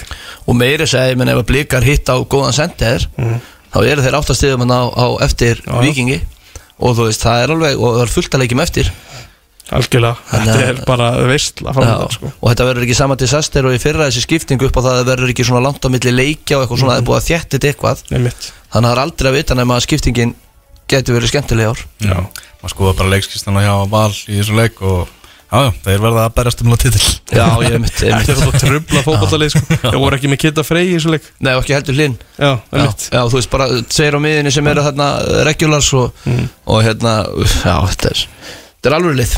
Mm. Það eru tvö bref sem að uh, þættinu voru berast frá sittkorum maðalunum og misvísandi svolítið. Annar segir hér að FOC í félagaskiptabanni út af mortesmálunu Svo er annar sem segir að Greta sé búinn að skrifa undir. Á FO og það sé allt. Klappað og klárt. Ég vil er þetta gott. En það var bara spurningin að kemur Greta þá ekkert fyrir en bara eftir tímabilið Ha, það er, þetta er eitthvað skrítið. Ég meina ef að glugginn er lokað fyrir þá núna Það verður í glugga þannig að En þú veist, er þetta líka bara eitt gluggi eða er þetta eitt félagskipta ár? Þetta er bara eitt gluggi held ég. Já, þá kemur hann ekki fyrir henni í November Nei, vantalega kemur hann fengið ekki leik fyrir en þegar næstu gluggi oppar, er það ekki? Já, Já, sem, já, sem er náttúrulega eftir bara. Já, já, já, já má spila kannski já, prísi En hérna, ok, þannig að já. Þetta er þetta er áhört Og hvað gera hann þá? Þú veist, Situr hann utan vallar eða er hann áfram hjá K.R. Ég, þetta, þetta er með sko, ég er eiginlega fjærði ég, ég er fjærði hvað gerist þetta að fengja hennar bús Þetta er rosalega Já, það verður um geta snæ Ég er FO í félagskiptabanni þannig að glukka eða ekki? Haldið áfram að hlusta, kannski fáum við einhverja skýringar Það er bara póskassin er ennþá opinn ef, að- að þeir eru tilbúin að hendi bref Eru næstu leikir í bestu deildinni? Það er leikur í Vestmanneum á morgun á Hásteinsvelli þar sem að IPVaf og Keflavík er að fara að eigast við. Og Hafliði Breiðfjörð hann er að fara á leiðinni, er á leiðinni til Eyja. Og ætlar að að textalýsa þessum leik. Tryggur Guðmundsson í, í fríi þessa helgina. Þannig að þetta verður áhugaverður leikur. Heldur betur. Þannig að Keflingarnir komið svona nokkuð mörgum óvart með bara sinni nálgunum á móti vikingi náðu eitthvað með að slá þá út á læginu og, og náðu í gott stig. Elska að spila á móti bestu liðunum. Og svo, svo er IBF bara er eitthvað með þú veist ekki alveg hvað þú hefur á sko. Nei, nei En þeir eru á heimavelli í þessu leik það ætti alltaf að geða þeim ett sko. Já, ég meina, íbjöða fyrir þremur stegum frá efruhluta, sko. Eða tveimur stegum frá, nei, einu stegi frá efruhluta Já. Og hérna, og en keflaði eitthvað, eins og þú segir Maður er svona aðeins farin að gefa þeim svona benefit of the doubt Það leiðum að njóta vafans, öllítið eftir síðustu framistöðu Og ef þeir vinna þennan leik, strókar Þá var þetta bara, þá var þetta komið í þvíleika rúða þarna. Og maður er svona eiginlega vonaði fyrir dildin að keflaði fari til Vestmann hjá vinni. Þessi deildir er ekkert eðlilega safarík að þeir klára hann leik já, sko. það er, og, og maður veginn getur ekki útiloka Nei. Þetta er svo fljótt að breytast.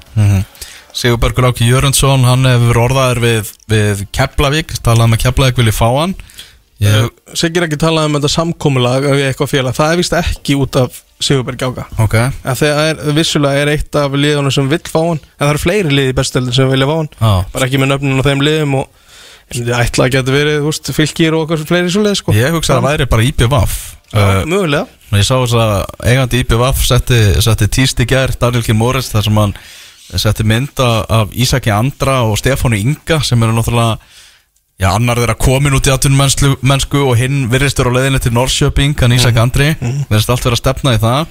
Og þeir voru samherjar 2021 í IPVaf þar sem hann kom á láni. Mm. með fyrst svona Daniel aðeins fyrir ekki í að því að ef að ætla að lána unga leikmann hvert er eiga að fara sko? Já, já. Það Sigurbergur Ákir náttúrulega var í U19 hópnum, ný- U19 liðinu og stóru hlutverki þar en hefur ekki spilað mikið fyrir stjórnum og bara miklu minna menn bjúkast við sko. Já, það er svolítið þannig. Það er svolítið þannig. Herru, það er annað bref FH er í fullu að vinna í því að aflétta banninu. Svo þeir vona að Gretar geti fengið skipti núna í þessum glugga. Ég er fáum fleiri rétt Þetta er mjög gaman að þessu. Mjög En, gaman að þessu. En sagði, þessu þá stendur bannið as we speak. En hérna talandi um Ísak Andra við- ja, Hvað er stjarnan að fara að gera eða missa hann? Af því að sko Þá er bara ekkert Aron að fara upp á enn annað level. Það ætla ég að vona, mér finnst það ekki að svolítið þurfa honum að halda stundum þess að það sem eru margir að spá í Ísaki ekki gera neitt lítið úr ekkert sem er alltaf geggjaður ekki Já, ekkert þurfti ekki á honum að halda með Ég 19 gerir mér alveg gerðin fyrir því en þú veist, bara þetta lítur að taka smá til sín eða með. Ísak Andraðana. Ég, að því að stjarnan er í, er í bullandi fallbarótt ennþá. Það er nefnilega alveg frá uh, að Þeir held ég alveg vonast að IPF vinni sko. Já, klálega, ég meina, þú veist það verður, þeir hljóta að gera eitthvað. Þeir, veist, þeir, ég trú ekki að þeir ætla bara að treysta á ungulegum áfram að þú ert að missa langbesta manniðin eða, Já, þú já, veist, klálega Já, það snýst bara þannig ef að Ísak Andri fer til Norrköping eins og allt stefnir í þá, þá verður bara ekkert Aron maður sem öll liðin er að fara að stoppa. Já, akkurat, akkurat og hérna, og það talaði um að hann tæki tvo leiki og svo fara hann út. Já, það er sagan en ég, það sem ég fekk að heyra var að það er bara alls ekkert víst að hann spili á mánudaginn. Ok. En með að við Kristján Óli, ég ætla bara að gefa hann það að hann er búin að vera með þetta mál algjörlega á lás Já. og hann segir hann spila á mútið val og, næst, og mögulega næsta leiku eftir. Já. svo fara hann út. Þannig að og bara Kristján Óli er búin að vera með þetta mál í vasanum sem segi. Þannig að það er alla líkur á því að hann spila á mútið val. Stjartan Valur á mánudaginn klukkan 19.15 Alltaf valsmenn áfram sigurgöngu sinni? Já, ég held það. Já, Mér finnst bara komin einhvern veginn þannig, þannig hérna struktúr á það og þeir eru náttúrulega eins og talaður um aðan bara með leikskísluna, þeir eru með helst skeiðarnir á milli þannig að ef að þeir eru ofti sem að þeir voru kannski á móti fylgjað ykkur leiti þá, þá koma svona ykkur gæði og, klára þetta. Mm. og ég held að þeir vinna þetta en, en stjarnan er ólíkjum tól og sérstaklega Algjörlega, ég, að því að við vorum að nefna Ísak þá, hérna, þá er ég mjög spenntur að sjá hvort þetta verði ekki bara Hilmar Átni út í vinstra megin Já, ok, já, já, já mjög, mjög skemmtilegur skemmtileg pæling. Og ef Ísak er ekki með þá er ég 100% valvinni Já, já, það er munar um minna það sko. Hann, Það er svona líka, það er liðið af fjörnum toppljónu þar sem að Ísak náði að blómstra. Hann var, Það var á lás á móti vikingi og Andri Jóma var með hann í vasanum móti blikunum. Þannig að valsmenn voru í alls konar vandræði með hann sko. Það er áhugavert sko. Birki Már þar bara í bakgrunn. Já, en þú veist, hann var ekki Hann ekki það, ég veit, hann var inn á svona settu til höfus Já, einhvern já. Sko. Ég mani þetta þetta var, það var ótrúlega að horfa hann í þennig geggjaður. Það verður synd að missa hann á deildinni en frábært fyrir hann að fara út. Já, klála KRFA og Fylgir HK er á þriðutaskvöldið klukkan 8 Mm. eins og segir ofan í þessum bleikaleika móti Shamrock þannig að það verður áhugaverð þriðutaskvöld það er um, mikið að fylgjast með þar. Þetta eru bara 60 leikir. Þú veist, það eru KRF á Já, Gretas næst lagurum bara strax. Já. Það er flott. bara daginn sem að glukkin opnar. Það er geðveikt. Það er bara, þú veist, K er jafnar það á stigum þó að FH í leiti góða eða vinna á heimavalli Já, já. Og svo er bara fylgir, hvað sér, háka fylgir Já, ég var Þetta bara eru- þetta eru hjúts leikir. Já. Það vantar ekkert upp á það. Nei. alveg stemming í þessu. Já, að því að líka bara uh, nefna Stekkert Arnó vorum að nefna hann Það er líka bara tíma spursmál hvernig hann fer út sko. Já, Það er vita held að maður þarf, þarf kannski að segja bara upp á Það er allir búin að hugsa það. Hann, hann fer út bara um leið og eitthvað gott tilbúið býst sko. Já, bara eftir þessa framistöði og þú veist, þetta mark og, og það, það er bara alveg óðurlegt ef hann fyrir ekki út. Það er gluggi að vera geggjaður í bestu stildin eins og Ísak hefur verið En þarna voru allir að horfa. Allir skátar heims voru að horfa á þetta unnýtja móta. Annars voru þeir ekki að vinna vinnuna sína. Klálega. Það var ekkert annað í gangi á þessu sama tíma. Og þetta er átta lið Svo þú horfa á. Mm. Já, um mitt Já. Herðu, útastátturinn fótbolti.net Þetta er áfram til klukkan 2 Við ætlum að halda áfram að fylgjast með því hvort að FOC félag að skipta banni eða ekki. Og svo ætlum við einnig að fara í lengjudeildina og aðeins meirum U19 og, og, og sitt hvað fleira. Tökum okkur smáli Fótbolti.net lögadaginn 15. júli Við erum hérna þrýr í fiskabúrinu Elvar Geir, Valur Gunnarsson og eh, Sæbjörn Stænke og uh, malta áfram að skoða það sem að gerast í vikunu Við erum komin niður í lengjudeildina núna Það sem að afturölding er með sjöstega fórustu eftir að hafa unnið þrótt 1-0 Aron Eli Sævarsson með eina markið á 59. mínútu Ían Djafs þjálfari þróttar ekki sátur fekk að líta rauðaspjaldið þarna á 90. mínútu var ósáttu við Albert Heiðar Þorstensson dómara leiksins var sérstaklega ósáttu við það að hann vildi fá rauðspjald á Rasmus Kristjansen í leiknum. Búin að sjá þetta ekki það? Ég er ekki búin að sjá, sjá það nú vel en það er sem að ég bara heyri lýsinguna hjá, hjá hérna, Magga á þessu og hann sagði að ef hann væri að hínum en þá hefði hann vendarlega verið leiður út í þetta. Þannig að ég ætla bara að gefa mér þetta átt að vera raut Er hvað það mér? Ég er með búin að sjá þetta og við þarna, skoðum þetta samanlega og við vorum á því að við skildum guld en raut hefði verið klálega líka skilinlegt og ég er búin að heyra í fróðurumannum en okkur um þetta. Og þeir segja bara 100% raut sko. já ok. Þú veist, að því að eins og við, eins og við sáum þetta þá fannst okkur að vera svolítið samsíða þegar að hann brýtur á honum. Að gæja náttúrulega alveg séns á að ná honum whatever, en, en allir sem að sé þetta segja bara þetta er 100% raut Já, góðu lið, þeir fá oft domgæsluna með sér Já. og hún er svolítið búin að vera með afturöldingu í, í sumar Já, ég, ég er svo sem ekki sé nægilega mikið af því en mér skilst það sé einn og einn dómur hér og þar sem að þeir getur verið sátt við Svona mörg svona umtöluðu atvik eitthvað einn sem að hafa fallið með sem er bara sem bara gerist þú veist það er ekkert eitthvað þetta er ekkert eitthvað plana held ég sko Nei. það er, held ég það er ekki þannig. Það er ekki eins og í að því sko. Maður tekur líka meira eftir því þegar þú ert að vinna alla leiki þá fæði maður svona að spotta þetta. Svo er það bara klæðið sem er búin að fá nákvæmlega marga dómum með sér. Já, akkurat. Það er gott mark. Já, ég held þetta að vera gott mark. Það sást ekki alveg nægilega vel Þannig að í Ós myndavelni Það eru ansið missjáðnar þessar Ós útsendingar Og þeir náðu allavega skallanum Já, já Aroni En ekki náðu þegar boltin fór þess að myndavelin eldi ekki bolta nógu vel þannig að við sjáum ekki það bolti fyrir í marki en við sjáum skallan Það var svona 5 metra meira til vinstri þá sér þetta alveg sko. Já. bara mæta völlin Já, akkurat. Afturölding búið að vera langbesta liði í þessar stil Bara ekki svona frábær. Já, tablusir bara þýlitt vel gert sko. Og bara rósa rósa á allt bara í kringu, kringu afturhaldingu og magga auðvitað sjálfsögur líka sko. Þetta er bara búið að vera mjög impressive. Og ég held að þeirra þeirra versti leikur ef ég á að leiða mér að segja það það hafi verið á móti þórs eða vinna hann á gerðugræsun í, í Úlastadalum já, gerum alltaf 21 til við leikni á útöðli svo sem. Ég veit ekki hvernig Já. ég sá náttúrulega ekki þann leik. Nei, nei, nei, en hérna og þetta er mér að veginn það impressive hjá þeim. Og mér finnst þau vera að spila það góðan bolt og umgjörunni það mikil og það virðist vera hægt að búa til peningarna að maður bara er spenntu fyrir þeim í úrvarsleildinni ef þetta heldur svona fram, ef þeir fara upp að sjálfsögur er ekki konur upp. Ætla að fara aftur í það þegar það sé nóg peningarna og Nei, menn, Nei, er að Tóm ekki eins og á staðnum. Nei, en, þú veist, að því að mér finnst bara struktúrum vera það mikill þarna og góður Já. að þetta er að lið sem að sér alveg jafnvel vera í úrvarsleildinni eitthvað. Já, klálega, það er alveg hægt að halda utan um þetta og gera þessu sko. Já, ef þið fara upp sem er ekkert gefið þó að þetta líti ansi vel út núna og þetta er bara til fyrirmyndar öll þessi, þessi, hérna, þessi umgjör sem hefur verið núna síðustu tvö tímabil. Bara, það var hægt að fara í tattu á meðan leikstóð og hafa tattu núna.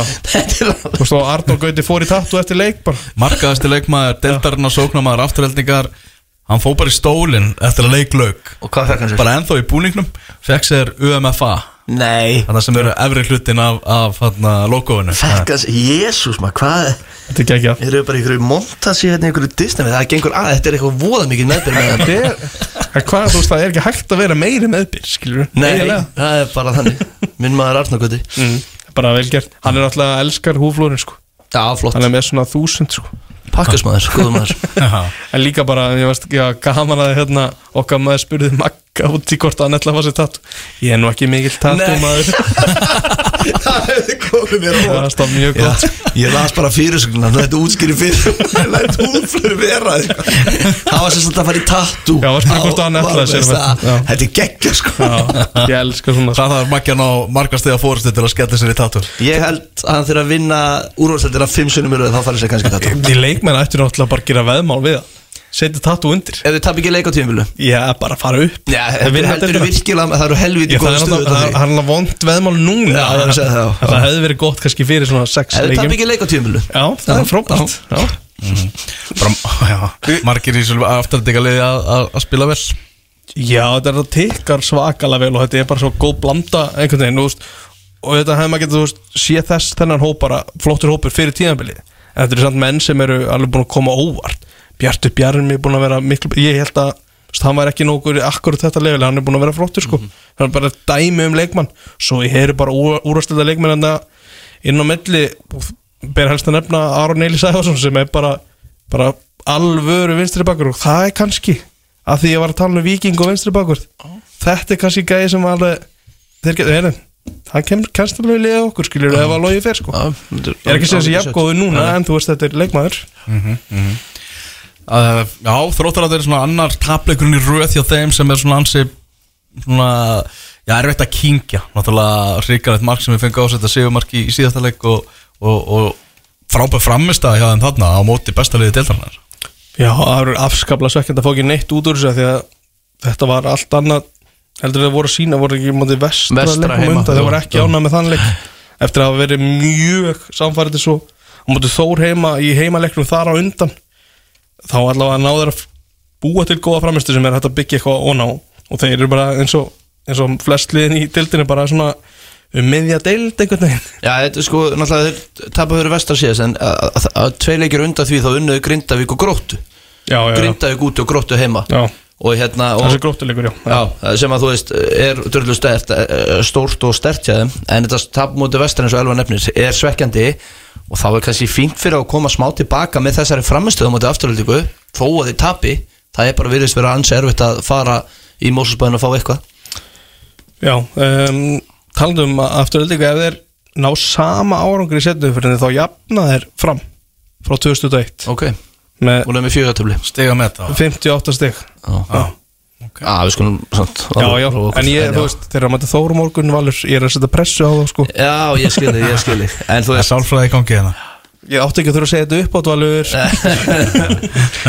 Missi margs En hérna, já, já, en þú veist, svo er bara spurning hvort ykkur önnuli fara að ógna þeim Já, eitthvað sjálfsög, eða þú veist, Ég- maður sér það ekki. Nei, Nei. þú veist það eru tvö önnu liði sem eru hann í hummátt eftir. Nei, hummátt, ég ætla ekki að segja það. Sem eru fyrir neðan þau. Sem eru einu liðin sem að virðast vera eitthvað svona Svona, geta eitthvað Eins og dild önnur. mm, Þegar við tölum um, er lið? Já þannig. Mm. Svo ertu bara með grindaðið sem er einhvern veginn að skýta upp á bak Og þórir í fimmtasæti sem vinnur ekki leik útvöldi Nei, þau vinna ekki leik út Þannig að maður sér einhvern veginn eh, Ekki margt, margt í stuðinu sem er að fara að ógna afturheldingu Fyrir utan náttúrulega fjölni og ía sem að maður sér ekki heldur. Það, það mun alltaf ógna þeim ef að í að alltaf bara vinna alla leiki eins og núna. Já. það mun alltaf ógna þeim. Það bara segir sér sjálf Já, ég skal bara viðkynna að það kemur fátt mér óvart en að ía sér fara þegar þeir, þeir eiga leik inni Já, og ef þeir vinna svo aftur líka þá í setni að þeir við gerum bara ráð fyrir að vinna alla leiki þá er þetta bara þrjú stík þannig að þeir ná þeim ef þeir vinna alla leikina það er bara þannig. Ég ætla bara að gefa mig það. Aðra leikir í vikunni í leikjöldeldinni Njarðvík 1, Fjölnir 1 þar sem náttúrulega aðal málið var Bjarni Gunnarsson og þessar tvær mínútur sem hann átti þar sem hann klúðraði víti náði frákastun og skoraði og síðan örstutu setna þá fær hann rauðaspjaldi fyrir eitthvað eitthva brotarna og, og ég fyrir að hann hafi klúra dauðafæri á milli, milli þess að skora víti og, og, fengi rauðspjaldi Það er rosalega Þetta voru- mínútur. Mínútur En þetta var ekki rauðspjald fyrir fimmur það var ekki raut Ég skil ekki hvernig var þetta að dæma rauðspjald á þetta En það er kannski annar mál. En hérna, já, þetta var útrúlega fyndið að lesa þetta á .net Í annars frábæri nýri hérna útgáfu af, af textalýsingunni. Kemur rosalega vel út þessi nýja breyting finnst mér. Samanlega, Og hérna að hann var bara það var bara tvær mínútur var himnaríki svo bara helviti en hérna en þetta var aldrei rauðspjald eru búin að sjá þetta?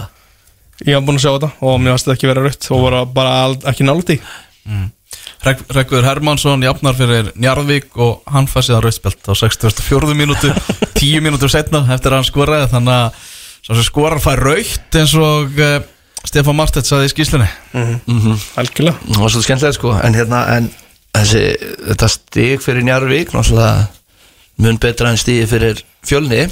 Algjörlega. Það virðist allt verið einhvern veginn í svolítið uppu háa lofti hérna í Njarvík Já, Arnar Hallsson al, alveg skýrt hver ræður eins og hann segir, hann er ráðindi, ráðin í þetta starf til þess að ráða.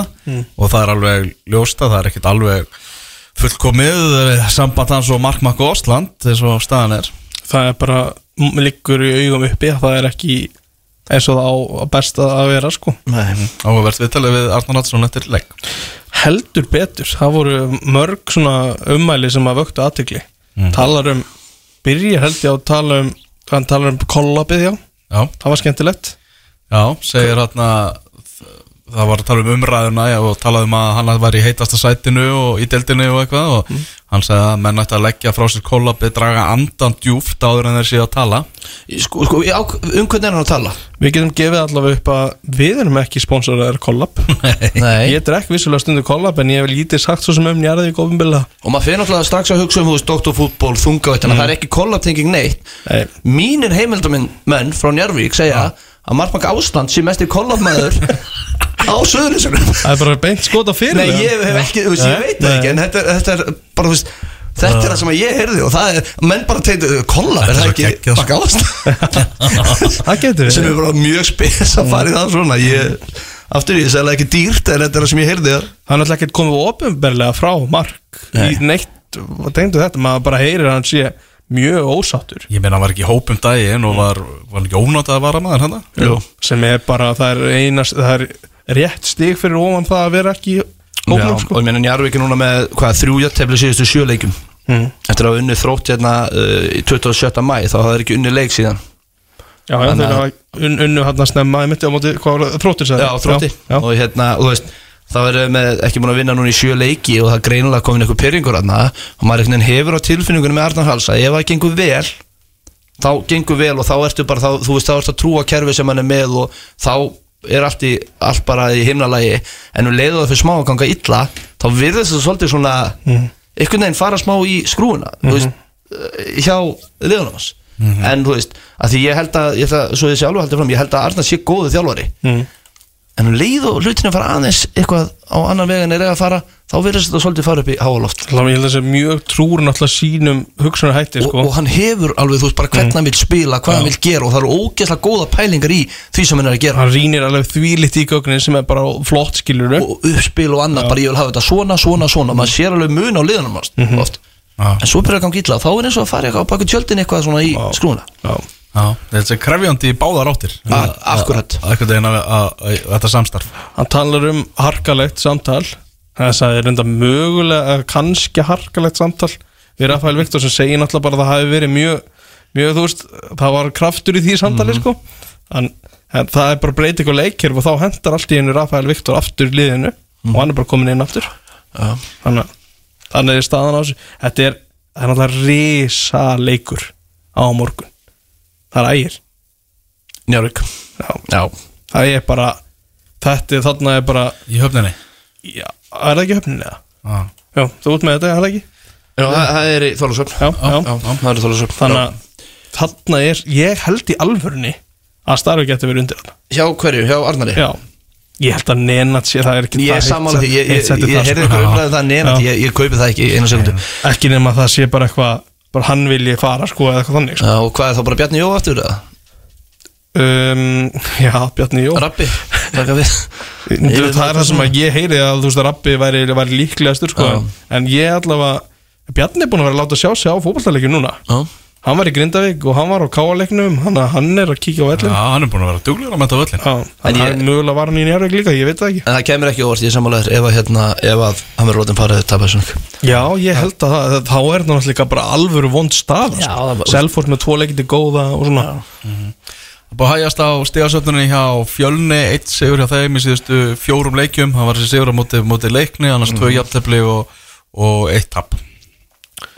Já, þetta er einhvern veginn ekki alveg að tikka eins og þeir vildu það gefur svona augaleið. Ég hef hérna já, þeir, mér finnst þeir samt einhvern veginn þeir eru mér svakalega góðan mannskap. Er því. og þeir eru alltaf að fara að enda þetta, það segir, sér- þeir eru náttúrulega bara að tryggja sig núna í topp þrjá í rauninni sko. Það er, búið, það er það er mikil svona kaplaskip skil í deildinu en Þeir verða allavega í þessu úslita dæmi. Er Lotteri. Ég var, ég var hérna ánægði með það spurningur hvort það er svekkjandi ef það er endi í öðru seti Stefán Martin spurði Hans Viktor að því. Hans, sagði, Hans Viktor aðeins að bara, þetta er bara svona það er ekkert sem við getum gert í því. Þetta er samt alveg góð pæling. Fjölnir er í öðru seti og, og mann líður í dag eins og þið sé ekki fara að ná afturhaldingu -hmm. og þannig að það er alveg annars seti er bara hans er líklega niðurstað sko. Sko, annað og þriða seti skiptir engum Nei. Þú hvort er endi í öðru eða þriða seti Og ég veit ekki, vitið þið hvað úrslutaleikunum verður spilaður? Og Það er ekki búið að gefa út. Það verður- er að Það verður einn ein stakuleikur á hlutleysum velli. Það verður svona á hlutlösa velli. Já. En af hverju er ekki búið að gefa út fyrir löngu? Það er kannski önnur umræða. Ok, þannig að það skiptir engum máli hvort þú endar í öðru eða þriða seti Nei, væntalega ekki, nei. Nei, þannig að, þannig að Já, já, það, það, þannig að við erum að tala um það að það eru þrjú efstu liðin og segjum afturlöndu hver er langast þá gætu við verið að horfa á kannski síðustu fimm umfyrirnar, fjórar umfyrirnar þar sem að, segjum að Ía og, og fjölni verði, þar sem að þeirra leikir skipta ekki nokkru máli. Já. Það bara getur vel verið þannig. Alveg þreytt, sko. Þetta, þetta, er svo, þetta er svo skrítið og þú græðir ekki einu svona að vera fyrir ofan annarsætti þannig að þú fer heimaleikin í úslataleika eða káleika þetta er, þetta er svo skrítið dæmi maður. En Við höfum eftir að sjá hvernig þetta verður auðvitað En þetta, ef þú hugsaður þetta svona Þá er þetta bara Þetta getur verið eitthvað algjörst kjæft að hann í lokin sko. Já, og þú, og þú fer, þetta er ekki einu svona eitt leikur sem að þú þetta eru tvei leikir heim og heiman í undanúslutunum Já, já, þetta er svona, en uh, þið er ekki að væla endalust yfir þessu og eins og, eins og hans segir sjálfur, að þetta er bara svona. Já, já og hérna, og það er svona, en ekki það fjölnir bara en eru að spila þannig að þeir eru ekkit öryggi mannasetti ég menna, að skæin er bara, það er fluga þeim í þessu prógrami sem að fyrirfram þeir átt að vinna en þeir unnu. Og svo það má ekki taka það en Nei, nei. Þú veist, mér finnst bara að fjölni verið það gott að ég sé þá ekki neður að þriða Nei, ég, ég, hjarta, þeir fara aldrei neina þriða það eru bara, það eru bara þrjú góð liðið þessu deil Þannig er það. Það er slagja Nei, ég meina, Já, þú segir það á stöðblunni sko en, en þetta er alveg, já, þetta er stór. Af hverju er þetta stór orð? Hvað, á hvernig er ég að Það- halla því ég nei, segi þetta? Ég, ég segi bara fyrir mót ég- Þá ég- horfir á, horfir á Grindavík bara svona lið sem Við á erum ekki bara- lengur fyrir mót. Nei, en ég veit að ég, þessin er þetta Ég það, ég- ég það. Þróun á þessu skilur Það er ummælinn komin. Já, akkurat, ég meina þú veist, það eru bara þrjú góð liðið þessari deild, eru við ekki sammála því?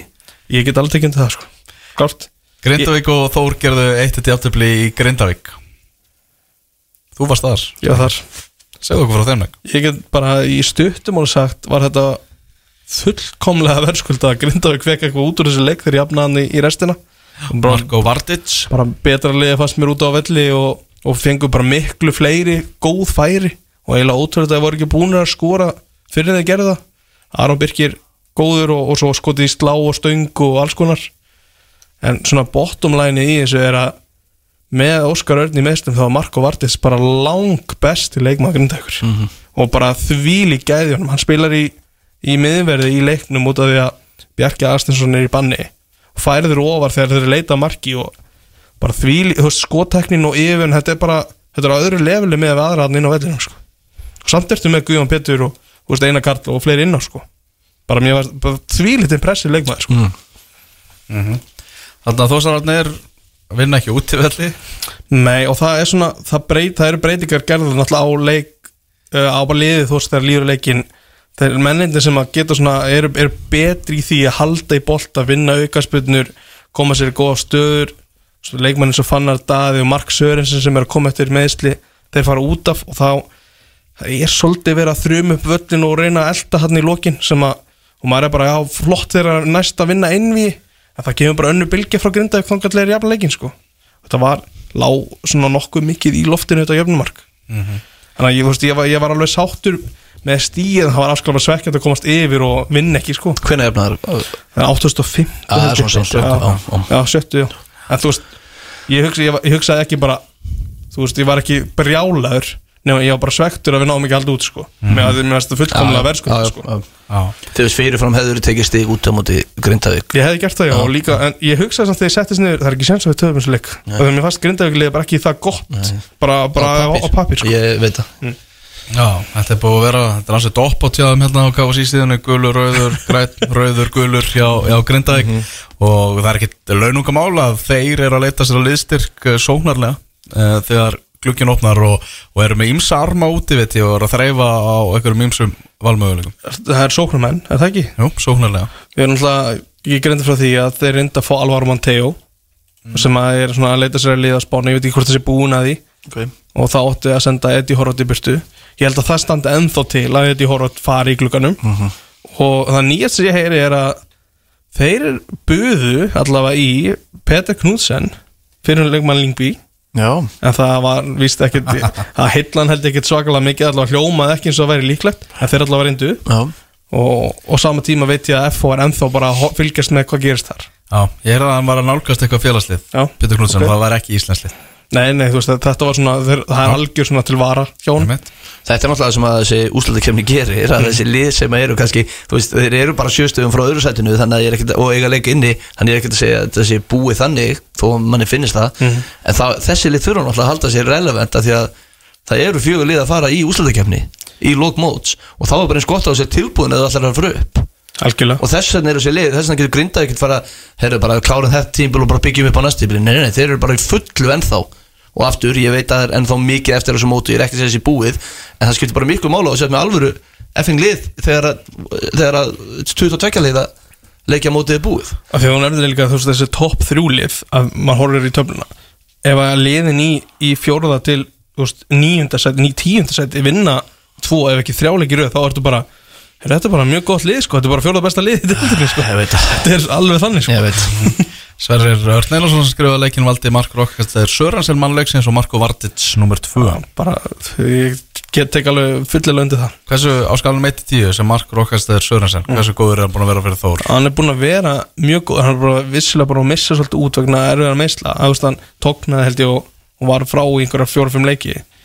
En bara gæðið á bolta vinna návi, þetta er bara þetta er aðdurum hann að lefa og hann er búin að spila með hann var að fylgja öster hann að lið sem næstu fór upp úr þannig að súperettinu í sænsku þannig að þetta er alveg spilari.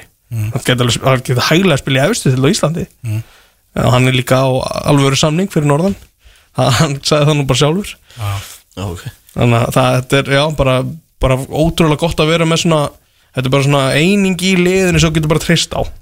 Bara frábært spilari. Mm. Átta já, hann, hann er meiri tíja sko. Nei, ég er að tala um engun í engun já, Já, með Þú svaraðar aldrei 1-10 skalun já, já, ég heyrði ekki, bara fatt ekki spurningu. Já, eh, hann er, já, ég myndi gefa hann svona 7-5-8, já. Já, Þú veist, ég, maður vill alltaf einhvern veginn meira bara, þú veist, maður vill marki í leik, sko en það kemur ekki. Já, það verður ekki alveg verið en smurt hjá Grindavík og þeir vonuðast eftir. Nei.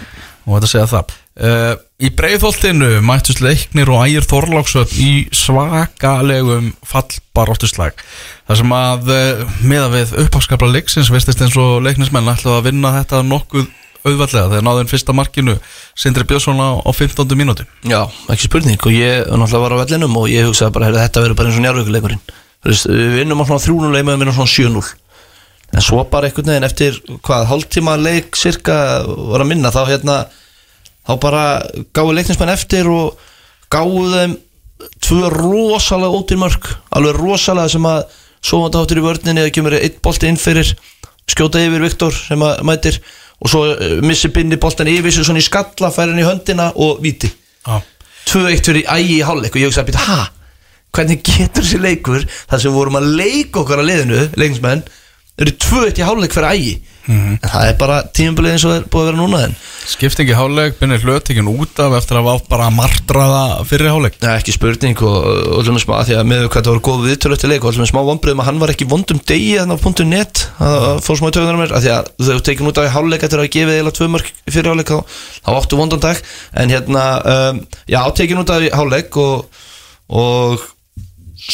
þá jöfnuðu okkar menn, Elvar, 850 Það tók tíma. 870, á 750 myndu að horfa á klukkuna þar sem við vorum búin að vera með boltan allan setnáleik vorum ekki til að skapa okkur, ægis með gerði þetta vel. Bara fjall tilbaka, náða skalla allt í burtu. Markmaður er að varði. Dauða færi frá Ómari Ver en annars vorum við ekki til að skapa okkur mikið. Og ég veist að bara, heyrðu, við erum fara að tapa þessum leik. Við, það er ekkert sem segir mér. Og svo bara hendu Kvendalandla inn á þarna og Robba Haugs og, og Kai og það kom svona aðeins usli og eins og segi, jöfnum 870 og, og svo unnu á 90. annari og þetta er bara svona típist ægir eða svona lið í ægir stöðu að tapa þessum leik.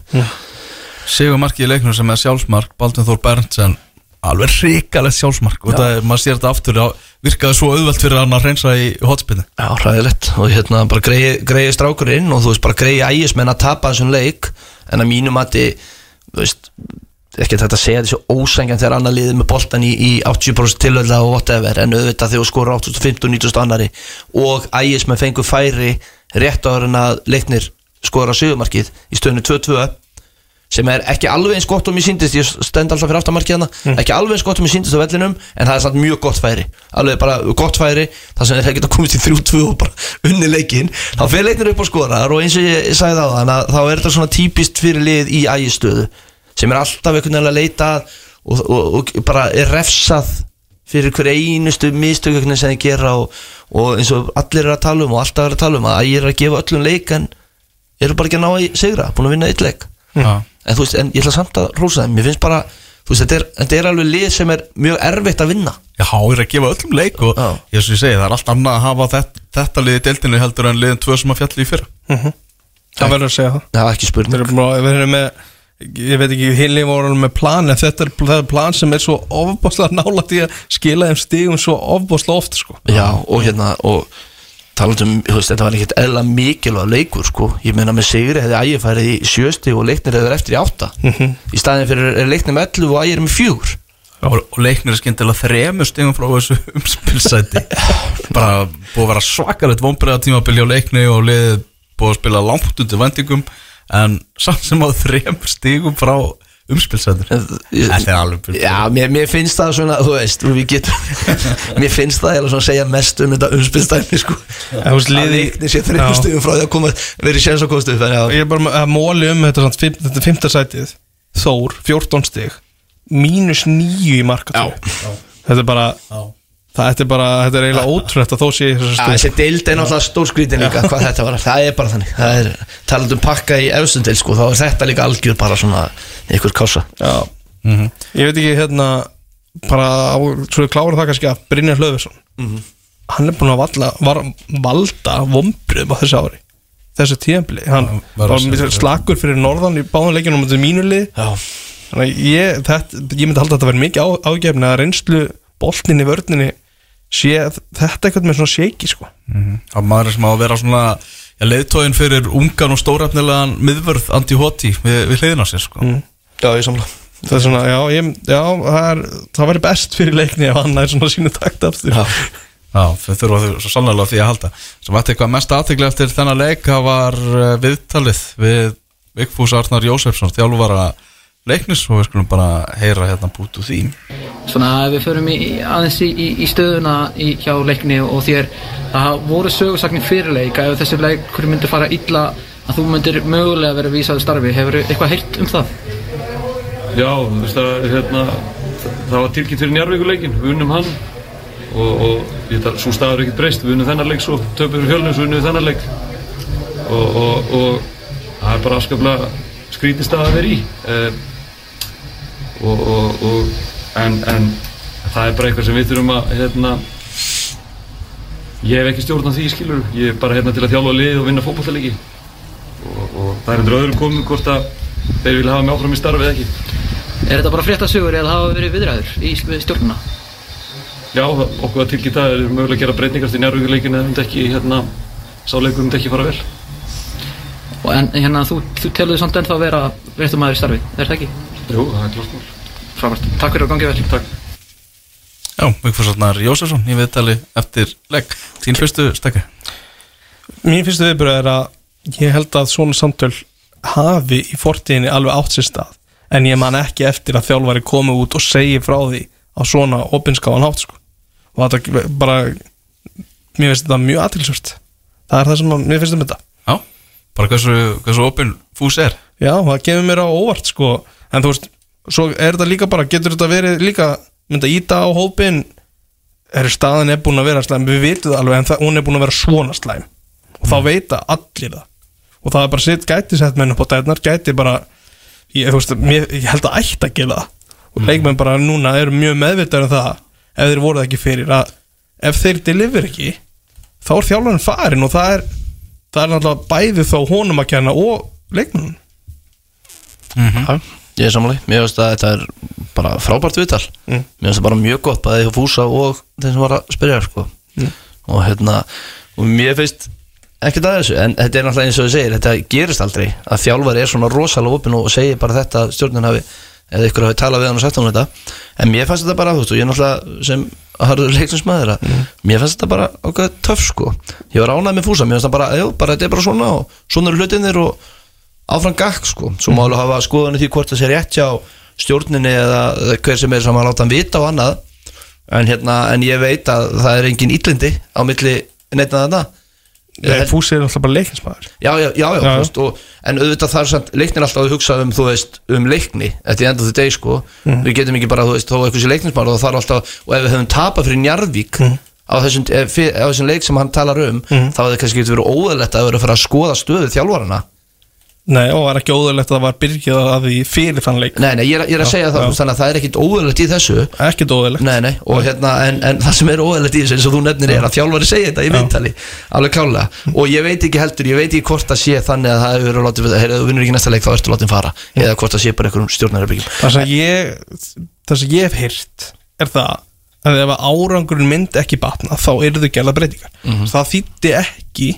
er það að að Það að það eru tap á múin Njarðvík að hann myndi vera látið fara Já. það var ekki, þú veist, það var ekki beinþýðingin á skilabóðan Jú, ég held að það var þannig Já, ég- veist, ég- það er ekki, þú veist, það er með sagt Jú, skilurðu. er það ekki Sem, Ég- kannski, kannski er það, ég kannski les er það þetta þannig, sko. meiningin skilur Já. en það er ekki það sem er sagt Já, nei, nei, Ég held nei, það nei. allavega. En, hérna, en ég var mjög annað með Fúsa Mér fannst Fúsa úgeslega flottur í þessu viðtali mjög ánægður með Og bara endilega og bara haltu áfram að vera svona bara beinskettu bara, heyrðu, bara svolítið svona í bara fokkitmóti, bara heyrðu, fyrir bara á morgun og vinnum á Sölfósi ef við horfum í Let's þetta go. Horfum í þetta fyrir njárvíkuleikin átta umferði búna þá Yep. liðið með fimm Fjö- stig. Var ekki fjögur, voru það fimm? Já. fimm stig. Já. og þeir vinna núna Njarðvík og Ægi sem eru liðin í fallet það var ekkert eðlilega mikilvægt að vinna þá leiki. Eins og það sagði á það núna er það þrjú stig upp í eins og að það er hægt að gera helling úr sem móti. Mér, og við erum búin að nefna þetta, ég vil bara endur taka mér finnst fullkomlega eðlagt að það hafi verið búið að vera að skoða stöðuna og menn væri ekki sáttir. Því að þetta var ekki þetta er lið sem fjall úr bestu tilinni sko. þetta er ekki lið sem er að koma upp úr annari eða svoleið sko. Og þetta er góður hópur komin, komin með hérna, sinn mann aftur í Danna Finn sem er bara á að vera eitt besti leikmann í deildinni og Andi Hóti mjög spennandi leikmaður menn búin að vera undir pari nokkri hverjir í liðinu. Liðið átt að vera búið að vinna leiki þú veist eins og móti í að þetta var bara ekki að ganga sko. Já, já, Selfoss heima kannski og hérna Ómar náttúrulega er komið sex mörg en hann, við erum að skapa helling og hann álega geta verið komið fleiri mörg og ég að leiknir eru að skapa en það er bara lagans vörnina nýta hans færin og þá getur allt gerst. En eins og segi, bara, mér fannst vita bara flott og ég, veist ég, ég get ekki gert eitthvað mikið mál úr þess að því mér fannst það bara flott hjá mér fannst bæðið frábært viðtal hjá ég glemum hvað hann heitir sem að var að spyrja. Já, Haldur Örn Já, Haraldur Örn, bara, bara virkilega töff og bránaði með viðtölun heilt yfir eh, í þessari viku Það var gott sko. Já, og hérna, og bara áfram gakk og ég er bara mjög sáttu við þetta. Mm. bara, veist, og já maður gera málur öllu en það, ég held að sé erfitt að gera eitthvað mikið málur þessu. Ég get sagt það að ég allavega ringdi í gær bæði í Óskar Klásun og Rapp Markus Vilbergsson.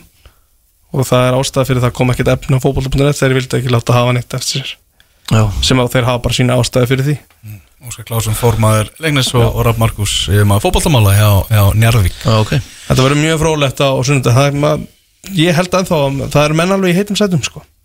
Og það sem er bara eðlilegt alls já. Já. Uh, Það er uh, bara skrítið að segja þetta. Það er heil umferð framöndan í er geggjað. Það er bara í íslensku fótbolta eftir tveimu deildunum heil umferð er ansi sjaldgeft heldur betur. En það er heil umferð, öll spiluð á morgun. Og ég ætla að fá ykkur til að eh, segja bara 1x eða 2 á eh, leikina. Stangað þú far selfos leikni á jáverkvellinum á morgun. Ég ætla að veri 2 2 leikni sigur á selfosi uh, eh, og liði svari. Ægir njarðvík. Valur. Ég ætla að vera mjög leiðil og segja x. X yeah. í höfninni. Í að vestri 1 heitna ekki lengi að hugsa þetta. Uh, fjögur á morgun á Þórsvella og Akkurir Þór afturhelding valur. Tveir. Já, ekki lengi að hugsaði um þarna. Það er að passa þér að ég fengi ekki að spá í þennan leika Já, ég er bara að taka fyrir að ég fengi ekki að spá í leiktisleikin Gróta Grindavík, Stengi Herru, ég held að það sé einn. Einn. Og, og það getur svona aðeins bara komið Gróta alveg í samtalið um top 3 í Ísrael þróttur fjölnir Valur. Þetta verða tveir. Já, Já. Já. þannig er það, heil umferð. Vindum okkur auðvitað möldu Ég skal segja ykkur það að Evropamótu 19 landsliða eða rúslita leikur þar á morgun þar sem að Ítalía og Portugal eigast við. Við komumst ekki upp úr riðlinum þrátt fyrir uh, að hafa átt möguleika hérna í lokin hafum þurft að vinna Greikland sem að ekki tókst. 0-0 enduðu leikar þar og uh, hafum líka þurft að treysta það að uh, að Noregur myndi tapa fyrir Spánverjum og það tókst ekki heldur, það var líka 0-0 í leik Normanna og Spánverjum uh, svona sem að menn virk, virkuð í eftir leikin svona svektastir yfir var að hafa ekki bara unni norðmenn þar sem við vorum betri í þeim leik. Og Sigur þar hefði verkum að fara upp úr þessu reyli Mhm, Ekki spurning. Og bara Heilt yfir getur ekki bara gengið nokkuð stolti frá þessu móti. Ég meina töpuð þarna fyrir Spáni í Þískalandi og svo tóðu játteglu móti Noregi og Greiklandi Eru, e- Ég veit ekki alveg hver væntingastjórnunin er á þessu 19. lið En þú veist Var þetta ekki bara ágætis mót þannig? Fyrir Ísland að komast þarna meðal Akkurat. þessara átta þjóða Já, er risa stór og flottir á þessu móti. Ég klálega geta verið, geta verið stoltir af sinni framistu og, og það sem er og að sjálfsögða millir reilum það sem að var mjög impressivt hvernig hvernig komast ánga slá út England sem að allir töldu fyrir þann, þann riðilega ætti að fljúa upp sko. Já, Já, og vissulega fyrst, vantaði leikmenn í, í öll liðin Já. þetta var ekki í landsleika klukka en það segir sér sjálft að fyrir okkur litlu eiguna hérna Mm. þá skiptir hver leikmaður talsveit meira máli heldur en fyrir, fyrir liðið svo Ítali og Portugal sem er að fara að mætast á morgun. E- Ekki spurning, það hefði verið rosalega ávart að sjá hvað við höfum gert ef við höfum haft allar kannuna með okkur. Ekki spurning og hérna eins og þú segir alveg að við höfum miklu meiri minni hérna úrval heldur en þessi stóru þjóðir og þá munar um hvort við séum með Kristján Ósa gæða eða ekki sko. Ég veit ekki, þú veist, ég gerir byrjunalisfréttina fyrir fyrsta leik. Held að veri fjó, þrýr eða fjórir úr lengi til því ég veit ekki alveg hvað það segir Já. veit ekki samanburðin við hinliðin en það er, veist, það er næst eftir til á Íslandi. Já, Já, það sem er skrítið sko, það er mér finnst það alltaf en ég var alveg impressað þeim hérna, mér finnst gaman að sjá Lukas hérna í, í, í hérna, markinu. Ég, ég var að heyra um hann síðan hérna, ég veit ekki hvenar gaman að sjá hann þarna og hann verðist bara vera sett á það að vera í íslenska landsliðinu sem er gríðalega jákvæmt og hérna logi hérna flottur, ekkert náttúrulega bara, ekkert seldi sig þarna þú veist, hérna, ég horfði á, horfði á seldi sér til útlanda ég veit ekki alveg hvert ég var að fara með það en ég skil hvort það Nei, ég, held að allir hafi fattað hvað ég sagði. Ég, hugsaði sko seldi sér einhver aftur, það er það turkið á Ípsam á. Nei, nei, hann hérna var bara frábæra þetta marka, þetta fyrir bara það. Og svo hérna, Hlynur Freyr finnst mér líka geggjör ég bara get ekki eftir að tala um Hann skemmtilega og flottur á þessu móti og bara, já, bara ég bara geng sáttur, svo ég tweetaði segja það, mér finnst bara Ólafur Ingi út, finnst alveg svona, ég er rosalega gaman að eitthvað, mér finnst hann eitthvað, helst þetta er svo flottur í tilsvörum og annað og bara, held að hann sé alveg framtíðar gæði þannig sko. Hann lítur vel út, ég tek undir að Ágúst Orri, ég ætla að nefna hann líka. Mér varst hann flottur í þessu móti. já, Svona, alveg svona alveg option fyrir Óskar held ég í setna hlutunum sko. Já, hann kom inn á í gær. Já, kom, fekk, fekk aðeins að spreita sig í gær. Já, helgilega, það er bara margir strákar þetta sem eru mjög flottir en það var, það var svolítið bensilöst í, í leiknum múndi grikla það er bara staðan, ég held að, held að það hafa ekkert verið neitt annað heldur en bensilöst sem er, þetta er þrý leikir á 6 eða 7 dögum. Já. Það þessi leikmenn, enginn af þeim var búin að vera að spila á því tempói nema að þú veist, Linu Freyr var búin að gera það í, í mæ með val. Þú veist, það var enginn annar búin að vera á þessi tempói og margir þetta sem voru í litlu hlutverki í, í sínu liðum því miður.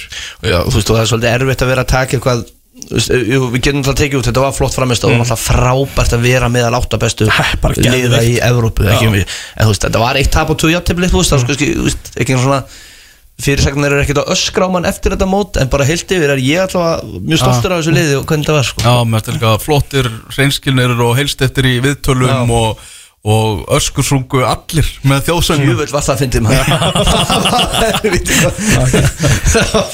Það var aðri, en það var ekki var hvort að gummi vægt aðtekla á því hann expected point summit í riðlakefni þá er Ísland eitt af top fjórum. En þú veist, það, það er bara tölfræði skilur en við áttum bara að vinna nálmenn það er þessum, það er bottom line í þessu. Já, við bæðum átt að fara betur með sókninu okkar á móti Nóri mm. en við vildum, hvað vildum við ekki aðeins nefna hann með nöfnin aftan á treyjun Jú, ég vil aðeins koma fram á það. Þannig að rættu við góða mannum mitt um þetta. Ég menna við erum búin að sjá, þú veist Albert Guðmundsson er farin að nota Albert út í hjá Genoa og svona sko. Má ekki, þú veist, fara að nota bara fornöfnin í aftan á treyjun, treyjunum hjá strákunum? Jú, það má öruglega Þetta Já, það má alveg, en þetta er bara, þú veist, ákvörðan sem þarf að taka. Bara, allavega leifa þeim að velja um það, skilur Hvernig vilja þeir markasetja sig í, í framtíðinni, sko? Ég, ég heyri að þetta skiptir ykkur máli Mér gæti ekki með svo Ég- Já, ég- já. ég- Þetta, þetta stöðum ekki neitt. Ég hugsaði bara þú- Mér finnst, ég skal viðkjöra, mér finnst alveg töff að hafa Gunnarsson og, Guðmundsson og eitthvað aftan á. Já. Þannig að ég er ekki sveitur ós á því, ég ætla ekki einu svona vera. Ég ætla ekki, ég ætla ekki hérna, að segja þetta stuðum en ég fór samt að hugsa veist, er stærra að vera Gud, Gudmundsson eða bara ekkert Ég er þeir, þú veist, báðir í þessu eða er þetta bara af því að þetta er svona? Já, ég, ég, ég skil ykkur þetta er- Þið vilja svona brasilist yfir bara, bara Pele og, og svona þetta. Ég man að þetta var náttúrulega gert að aðlandslið gerði þetta hvað, hvað 2016 fyrir EM eða eitthvað. Það var þetta bara Sigursson og Guðmundsson og, veist, og bara flott er skilur þegar bara þeir tók ákvörðin held ég. Minna það hafi verið þannig. En eins og, eins og Elvar segir, þú veist, Albert er með Albert.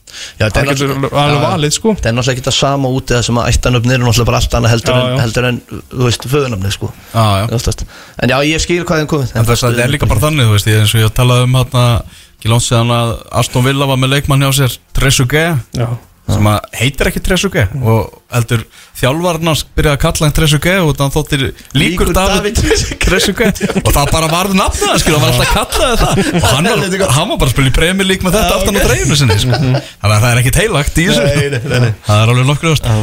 Heyrðu, það er bara þættinum fyrir að ljúka kannski aðeins að stökkva svona yfir fréttir Arsenal er búið að kynna Declan Rice, það er komið staðfest. Þegar hann er orðin formlega leikmaður Arsenal. Frábært, það er bara stutt í ennska bóltan Já, þeir eru búin að klára núna þess að þrjá leikmenn ekki, er ekki Havertz, Timber og, og Ræs Jú, já, Timber kynntur gær og, og Rice núna í, í dag. Fljótir að þessu. Vel gert bara á líka skýr skilabóð þeir ætla að fara aftur í baróttu um, um, um titla á næsta tíma Já, heldur betur. Og þú veist, ég ætla ekki að vera að skjóta og þú veist, mér fjárhjóð félag skiptir mig engum alveg en mér finnst skrítið hvað þeir geta verið fljótir að eða bara 200 miljónum puta þegar að mittlið getur ekki gert það. Já, þess að mannsturinn að ég er bara það fer smá í mig og það er gaggrinn á mitt félag, ekki Arsenal. Já, náttúrulega litar algjörlega klukka núna það er þetta sem er að gerast í Sáti Arabíu. Það er bara, þú veist, ég vant að hugsa ég held að komi vest niður á sko La Liga og Serie A. og Serie A og þessum deildum sko. Bara þegar bara Premier League og Sáti Arabia eru bara að hertaka alla stjórnunar en það gerir lítið að koma niður á Premier League eins og þú talaður um í, í gær og skrifstofunni slenka, með þú veist, Mitrovic bara sem er svona gómsætasti leikmaðurinn í fúlham og, og bara 30% af því að, að maður hefur áhuga á fúlham með bara þessi leikmaður Já, ég er samanlega, ég minnst hann, er, hann vil fara bara til Sáti Arabíu núna þegar hann sér gullið fyrir fram að sig Ég meina, er þetta satt að Henderson sé að fá 700.000 pund á viku? Getur það verið? Er þetta ekki bara að kjafta? ég held að það sé satt Hvernig getur það verið, stákar? Og ef að hann far 700.000 pund á viku Hvað eru þá leikmenn sem er ekki 30 og hvað er hann, 6 ára eða whatever, 4 ára whatever að fá þannig Þetta, þetta Róben Neves er held ég ekki að fá okkur bara eitthvað salt í Nei, gröndin ég er að segja það, þetta, þetta meikar enga sens og þetta Þetta er gengur ekki. óþólandi sko. En. Mér finnst það einmitt vera verst að Þú veist að þú talar um seri að það er er bara 33 eða eitthvað sem gerir svona veist, bara eins og að þú talar um seri að Milinkovic Savic sem er bara eitt besti leikmaður ný deildin er Já. farin Lazio. Já. það gerir deildina mun á óáhugaverðari en versta er til þess að ég er Rúben Neves.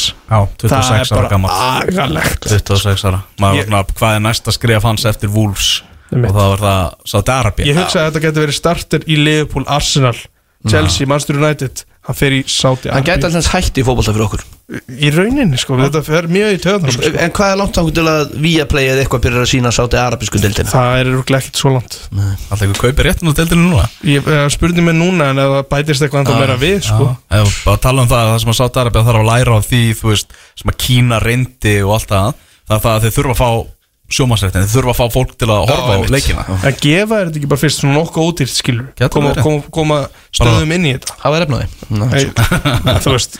Bara YouTube. En þegar það var enda móli. Það var efnaði það var eitthvað, eitthvað spurningamarki hvort þau getur borgað þessar 20 miljónu punta fyrir Henderson. En þau geta borgað hann 700.000 í vikulun bara, hæ? Já, maður er þetta er svolítið skrítið slúð Ég skil ekki, skil ekki þessu. En og svo er þetta Al Nasser að þeir sé ekki búin að klára Lester Ahmed Musa dæmi eitthvað. Já, skulda lester og séu það svona í félagskipta hvernig geta þær það? Ég ætla ekki að reyna að byrja að skilja þetta. En, en já, en þú veist, ég fór að velta fyrir mér í gæði bara af hverju er Master United ekki að taka Mitrovic? Já, það vantar strækjar já. Þeir enda alltaf í einhverjum gömlum bráðabyrða strækjar hann er, ég held að sé 29 ára sko. Já, Leopold búið að fá 40 miljonar pund að tilbúið í Fabinho og hann var bara leiðin upp í flugvel í æfingabúðir til Þýskalands með Leopold og svo bara snýra hann við. Þannig að það er hætti við að fara í æfingabúðirnar því að þetta er greinilega eitthvað sem er að fara að gerast en það Fabinho átti slagt tímabil. Já, munur á þessu Henderson var það að Henderson var búinn að semja munulegu samkomuleg þannig að hann mátti alveg fara, það þurfti ekki að neitt en Fabinho eftir að semja um sín kaup og kjör Já, ef það ekki fyrir gegn. Já Já, þetta er ein Áður um að hættum, eru eitthvað að setja Gretar að snæði meira eða ertu búin að fá okkur Skal við vita, hérna kíkjum við með eitthvað á Símon. Mér sýnist bara ekki fleiri bref hafa borist tættinum Þannig að við getum bara að fara að slaufa þessu. Er fyrir svona þættinum, er FH í félagskiptabanni Já eða nei? Nei, nei, við finnum eitthvað gott í þessu. Já, það er svolítið Selva Geir, Valur Gunnarsson og Sæbjörn Stænke þakka fyrir sig hér í dag. Út á